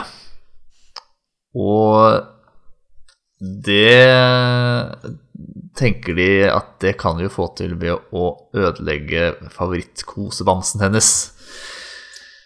Yes, Cutie the Elephant. Ja, som er så søt og skyldig Og fortjener jo ikke det i det hele tatt. Um, ja. Du føler deg skikkelig pill råtten eh, når du holder på med det der. Og det er greit nok at de karakterene liksom eh, til en viss grad spiller på det. Og sånn, oh, we are terrible parents, eller noe sånt, sier de. Men eh, nei, de, de- de klarer likevel ikke å eh, gi den samme Gi tilbakemelding på hvor horrible det føltes å skulle gjøre akkurat det der. Og liksom, scenen er så dratt ut, og du, du må liksom gjennom flere ledd for å liksom rive denne her eh, elefanten i fillebiter mens den skriker og er lei seg og spør hvorfor i alle dager gjør dere dette. og eh, og du må gjøre, trykke på knapper og herje og styre for å få dette til. Det er helt grusomt. Jeg var skjellsjokket etterpå.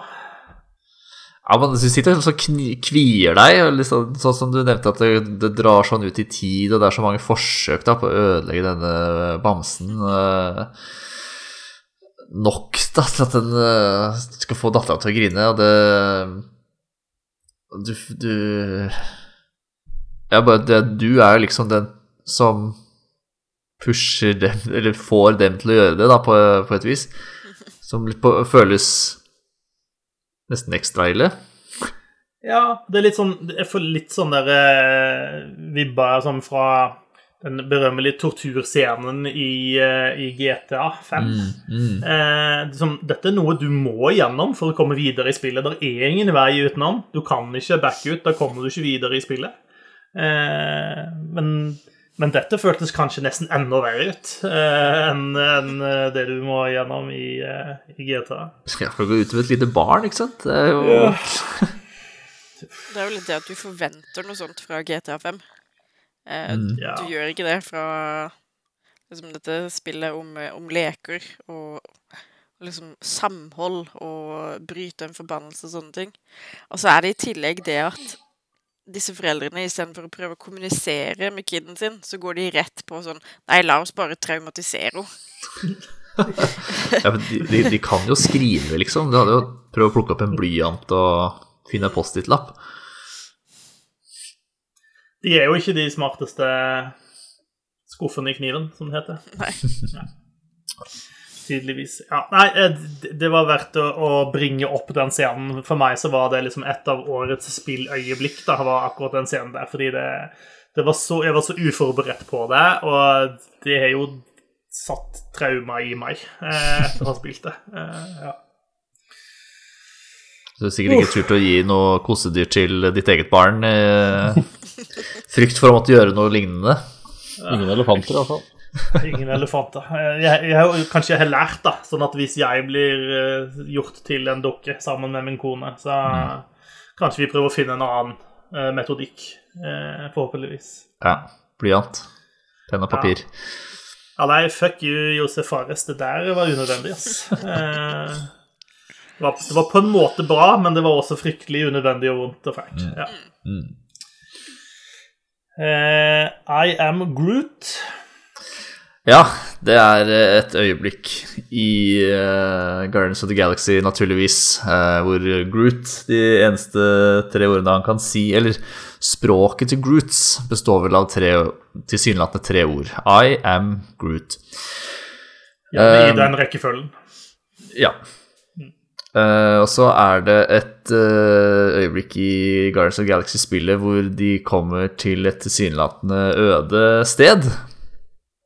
Hvor eh, de begynner å rope da for å få oppmerksomhet, eller se om det er noen som svarer. Og de tre som snakker engelsk, eller språk som høres ut som engelsk, sier, sier selvfølgelig 'hello'.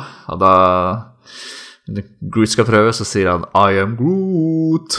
Uh, akkurat i samme tonefall. Og det syns eh, vi her hos oss var så morsomt at det har vi begynt å gjøre i dagligtalen, til og med. Sånn. Hilsener kommer inn døra til jobb, så eh, sier vi 'I am Groot'. Nyttig. Så det, ja, det er ikke noe stort uh, episk uh, eller traumatiserende øyeblikk som den elefantscenen, men uh, et morsomt og eh, ja, uforglemmelig øyeblikk, nærmest. Som jeg i hvert fall sitter igjen med etter årets spillår. Yes. Eh, musikken i Near Replicant. Jeg lurer på hvem som har nominert den. Ja, det, det må være en feil, tror jeg. Ja eh, eh, Jeg er veldig, veldig glad i Nier Automata. Eh, jeg skal ikke snakke så mye om det. Eh, men musikken der er en av En av ikke veldig mange sånn spill-soundtrack som jeg hører på igjen og igjen. Eh, og som er ja, absolutt en av favorittene. Eh, så jeg hadde liksom ikke trodd at eh, eh, New Replicant skulle komme og ta den plassen, eller i hvert fall være like bra eller bedre. Men det er den, og i hvert fall med den nye her så har de vel, så vidt jeg har skjønt, også spilt inn musikken på nytt. Eh, om det er alt eller om det er del av det, vet jeg ikke. Men det er i hvert fall et eh, helt vilt bra soundtrack i, i New Replicant også. Eh, så kunne jeg sikkert ha vært bedre forberedt til å komme opp med både lydklipp og sånn, men jeg vet ikke om jeg får med det på podkasten, så da lar jeg det bare være. Annet enn å si at den, det er et helt, helt vilt bra lydspor. I, I tillegg til veldig mye annet som også er bra i det spillet, så er musikken helt, uh, helt outstanding. Cool. Ja. Monsterdesignet i Return. Ja, det var, eh, det var meg igjen, det da. Eh, Jeg syns bare Altså, hele Hele designet og den visuelle stilen i Returnal er helt konge, syns jeg. Jeg syns den er dritbra. Men jeg syns de våpnene der Nei, ikke våpnene, jeg syns de monstrene eh, For de er De er litt creepy.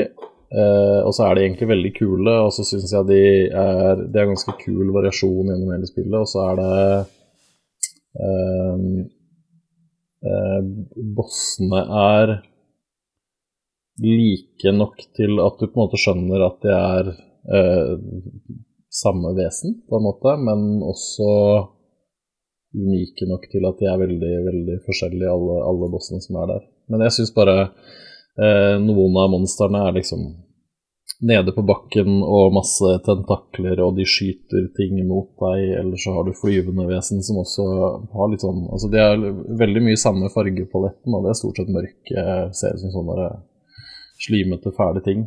Eh, Men det er bare hele designet. Jeg syns det er veldig gjennomført alt sammen. Og så syns jeg de, de, beveger seg så kult i, i områdene der, og alle, alle liksom angrepene de skyter ut sånne Altså det er liksom bullet hell-spill. Så jeg syns designet passer bra til hva de gjør.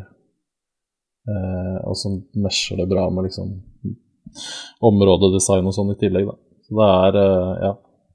Nei, jeg syns det bare ser helt Det ser helt vilt bra ut. Så det, jeg sa vel det etter første gang jeg spilte, at det er vel det første spillet som kjennes ut som next gen-spill.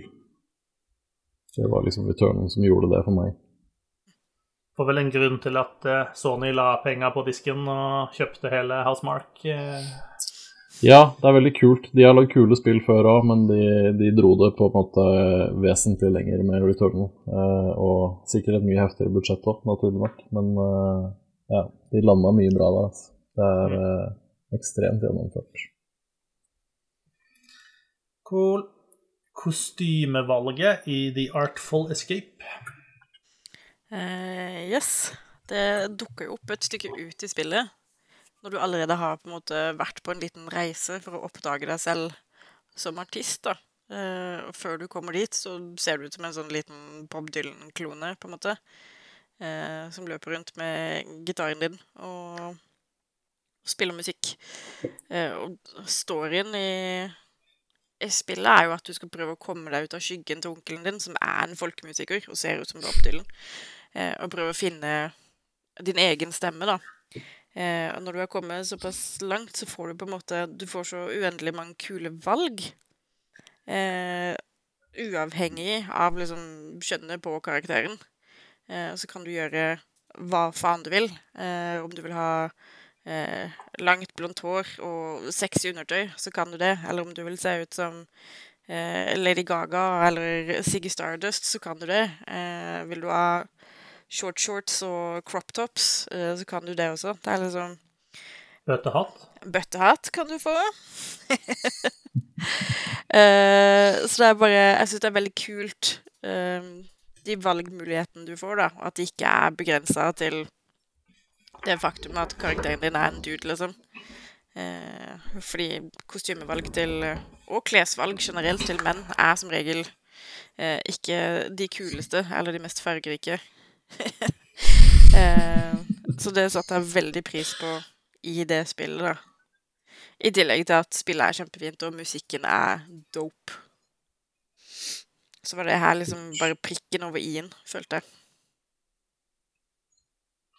Kult. Mm. Neste på lista er um, de voldelige valgene i Inscription. Det var det jeg som førte opp. Um, Inscription er et spill med um, en lang liste med what the fuck moments. Um,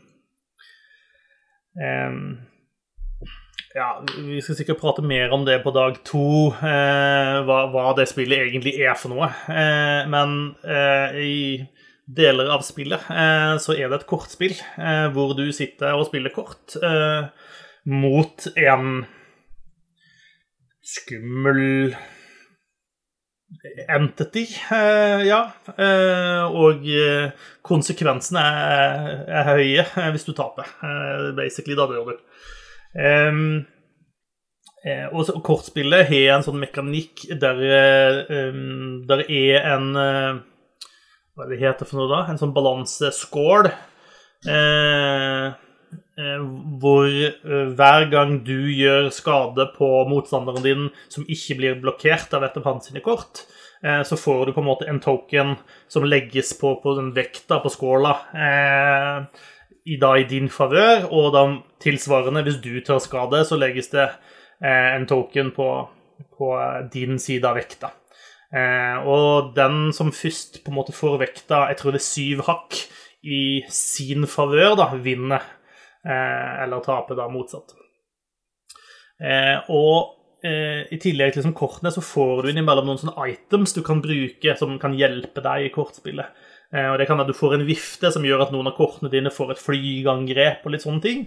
Og det er liksom, Du kan få en, et, en flaske med et kort i, som du da liksom kan knuse flaska og spille det kortet når du har lyst. og sånt.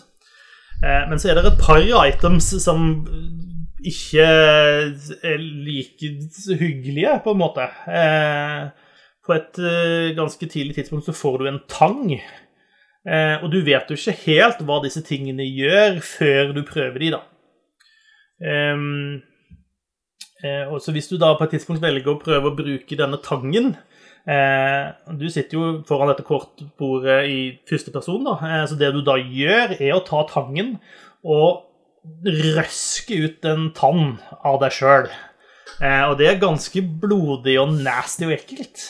Eh, og den tanna får du da legge på vektskåla, sånn at du får et hakk i liksom din favør. Eh, og det, det, er Ja, jeg så ikke den komme. Og det, de, selv om det spillet er et kortspill, så bare ser det så grotesk ut eh, at det blir helt satt ut.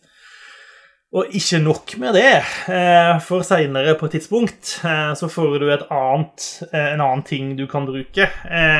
Og det du da gjør, og igjen litt sånn uvitende til hva det er du egentlig driver på med, er å kutte ut øyet ditt og legge på vektskåla. Det tror jeg er verdt fem sånne tokens. Eh, og det er enda mer grotesk, og du mister på en måte Du kan, du kan nesten ikke se lenger etterpå. Du mister halve skjermen liksom av synet ditt, og eh, ja Pulsen liksom slår, og det er masse sånne effekter som eh, Det er så nasty. Og jeg syns det er så bra gjort å få det til i et spill hvor du sitter og spiller kort, på en måte. Eh, at det er så ek ekkelt. Eh, at ja, jeg ble helt eh, satt ut av de greiene der. Ja. Um, så det er, det, er, er, flere sånne ting i det spillet som bare Hva i alle dager som foregår? Hva er dette? Eh, hvem er jeg? Hvor er jeg? Ja. Men, eh, men akkurat de der eh, plutselige, ordentlig voldelige innfallene, de er ganske nasty. Og han du sitter og spiller med, altså liksom egger deg på liksom, liksom sånn jeg, jeg, trodde ikke du kom til å gjøre det. Og nesten litt sånn jeg ville jo aldri gjort det, og så videre. Um, samtidig så spiller de videre på det også. for sånn Seinere i spillet så kan du da møte Så kan du da få tilbudt møte noen som da har en sånn skuff med masse øyne i, da. Uh, så tydeligvis at du er ikke den første som har gjort dette. Uh, han har da tatt vare på øynene til de andre som da har gjort det samme. Det, det spillet ja, det er, en uh, det er, det er veldig mye horrorspill òg, egentlig. Det er ikke bare ja. kortspill, det der. Det, det, er definitivt ikke bare kortspill. Det er helt sant. Mm. Eh, men ja, jeg syns de der vold, voldelige, plutselige innfallene av groteskhet, de, de var verdig en plass på, på denne ja. lista. Yes. Uh, design og lyd i unpacking. Ja. Det har jeg hørt uh, mye bra om. Uh, unpacking er et spill. Det er et spill jeg begynte å spille bare for noen dager siden. Uh, og det er, det er, et spill akkurat sånn som det høres ut som. Du pakker ut esker uh, med ting. Det er til uh, Altså Du følger en, en historie til en dame. først så pakker du liksom ut på, på barnerommet ditt. Så har sånn, du har noen bamser og du har noen leker og litt sånn. og så flytt, hoppe liksom historien videre til liksom neste gang, og da flytter du til universitetet og alt mulig sånt. Det er på en måte greia. Det kan vi, vi kan prate mer om en packing i morgen. Men jeg syns bare jeg syns den visuelle stilen, altså den uh, litt sånn uh, pikselaktige stilen, syns jeg er uh, veldig, veldig pen. Den er utrolig gjennomført, og det gir alle de forskjellige tingene har på en måte ja, når du pakker ut, altså etter hvert så får du på en måte uh, Du går over fra VHS-ting til eh, DVD-er og Blu-ray, og Blu-rayene er på en måte obskure nok, men samtidig tydelige nok til at du nesten kan gjette hvilke filmer hun har i hylla si, typ. Og så er det, det er bare en veldig gjennomført greie, og du har liksom, du får etter hvert så får du Dungeons and Dragons T-skjorte med liksom helt tydelig at det er liksom en, eh, en D20 på logo og sånn. Eh, det er veldig, veldig pent sånn, og så er det Og det visste ikke jeg før etter jeg hadde spilt det, men de har jo eh, De har eh, lyder når du plasserer tingene dine. Naturlig nok. Men de har da også tatt seg bryet med å lage så ekstremt mange forskjellige typer lyder til de forskjellige tingene som plasseres på de forskjellige underlagene. Det, det, høres og føles veldig riktig ut hvis jeg tar et glass og setter det på teppet, kontra hvis jeg setter det på kjøkkenbenken, eller hvis jeg legger en tannbørste på vasken, eller om jeg legger den i skapet. Altså alle de tingene du putter alle forskjellige stedene. Det er så gjennomført hele tiden. Uh, og det har de jo jobbet ekstremt mye med for å få til å liksom bli riktig. Så um, i tillegg til å være et veldig, veldig fint og bra spill, så er det ekstremt bra vellagd, både visuelt, men også lyd. Det var det jeg ville, det var det jeg ville si om det spillet i dag. Mm. Kult. Siste på listen er Lady Hellbender i store bokstaver. En det er stor dame som fortjener capslocks, for å si det sånn. Yes. Det er en uh, karakter i uh, Guardians of the Galaxy som uh, Husker jeg ikke hva det er de Hvorfor de skal møte Lady Hellbender sånn for første gang. De skal Men, selge Rocket til henne for å få penger til å betale en bot de har fått av Nova Corp. Ja, ja, ja, de har fått en kjempebot. Og Lady Hellbender samler på, på sjeldne uhyrer, og jo større, jo bedre. Du kan uh, velge om du vil selge Groot eller Rocket i starten. Mm. Ja. Det stemmer. Uh, og det vil få konsekvenser for senere i spillet, så håper du valgte rett. Jeg vet ikke om det går an å velge rett eller feil. Uh, um, men ja, hun er altså så badass hun må være minst 2,5 meter høy. Og muskuløs og dick. Um, så Drax er jo selvfølgelig hodestups forelsket. Um, og Ja, hun er bare jævlig tøff. Hun kan uh, få tråkke på meg hver any day. Og så er hun i tillegg kledd som en trimdronning fra 80-tallet. ja. Det er ikke veldig mange som greier å, å, dra den looken og fortsatt se jævlig badass ut. Ja, Ser ut som en sånn trimdronning fra Gears of War, omtrent. Mm. den der slegga hun har, ser ut som noe en eller annen boss Marcus, i Gears of War kunne gått med. Marcus Phoenix sin personlige trener. Ja, hun er, eh, hun er beintøff. Mm. Gleder meg. Ja, jeg gleder meg til å se mer av henne. Jesus Christ. Hun er så kul. Vi er ved veis ende ved alle kategoriene våre. Føler dere at dere har som, fått, fått, ut eh, en del eh, av det 2021 hadde, hadde å by på? Dette er bare blir, oppvarming til onsdag. Det blir litt mer på onsdag. Eh, da, da blir det spoiler-bonanza, holdt jeg på å si. Da skal vi gå, faktisk gå gjennom alle spillene vi har spilt. Sånn roughly. Eh, det vi har gjort i dag, er å kåre de ulike kategoriene. Eh, årets uting det ble Bobby Kotick, eh, Activision, Blizzard og spillselskaper som eh, ikke behandler eh, sine ansatte på en respektfull og ordentlig måte. Eh, slo covid-19 og NFT-er, som kom på eh, plassene rett bak. Årets ting ble TV-serien Arcane eh, på Netflix. Ehm, eh, som da slo eh, en håndfull eh, av Marvel-TV-serier, eh, og eh, Henry Cavill som gjør nerdeting kult. årets 5-0 ble Bone Mass i Valheim. tett fulgt av Hyperion i Returnal og kattebossen i Kena. Kuleste våpen eh, ble Funeral Pyre i Outriders. Eh, Litt deilig at det ble en hagle eh, som ble, ble kuleste våpen. Ja, det kjennes godt ut. Ja. Ja. Eh, og på plassene bak så var grapple hooken i Halo Infinite og Rot i Kena. Årets karakterhelt ble Chorizo i Far Cry 6. Eh, tett fulgt av Colt i Deathloop og Alex i Life is Strange True Colors. Eh, og i tillegg så var vi gjennom en liten liste med ting som fortjente eh, å bli nevnt eh, på sin egen merit eh, fra spillåret som eh, har gått. Er dere fornøyd? Alle vennene har fortsatt? Mm. Det har vært særs lite trusler eh, denne runden, så det blir Er Har du skuffa? Ja, litt. Men eh, jeg regner med vi tar det igjen på onsdag.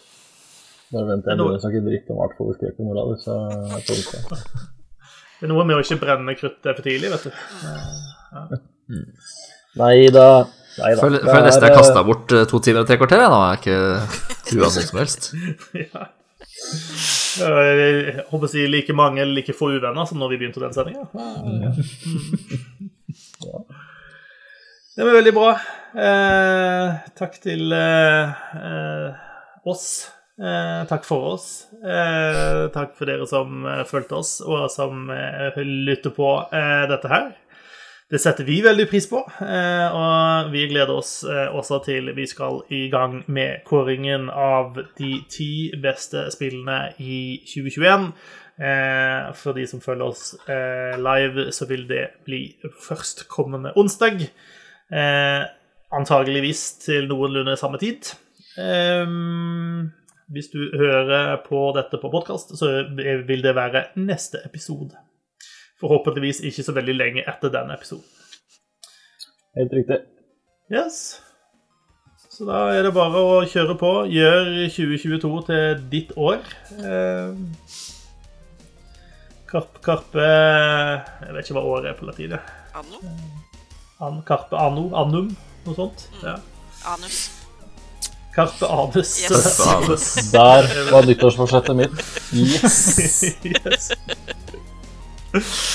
Åh, nydelig. Takk for oss, 2021. Hei og Ha det bra, da. Ha det bra. Ha det Øh.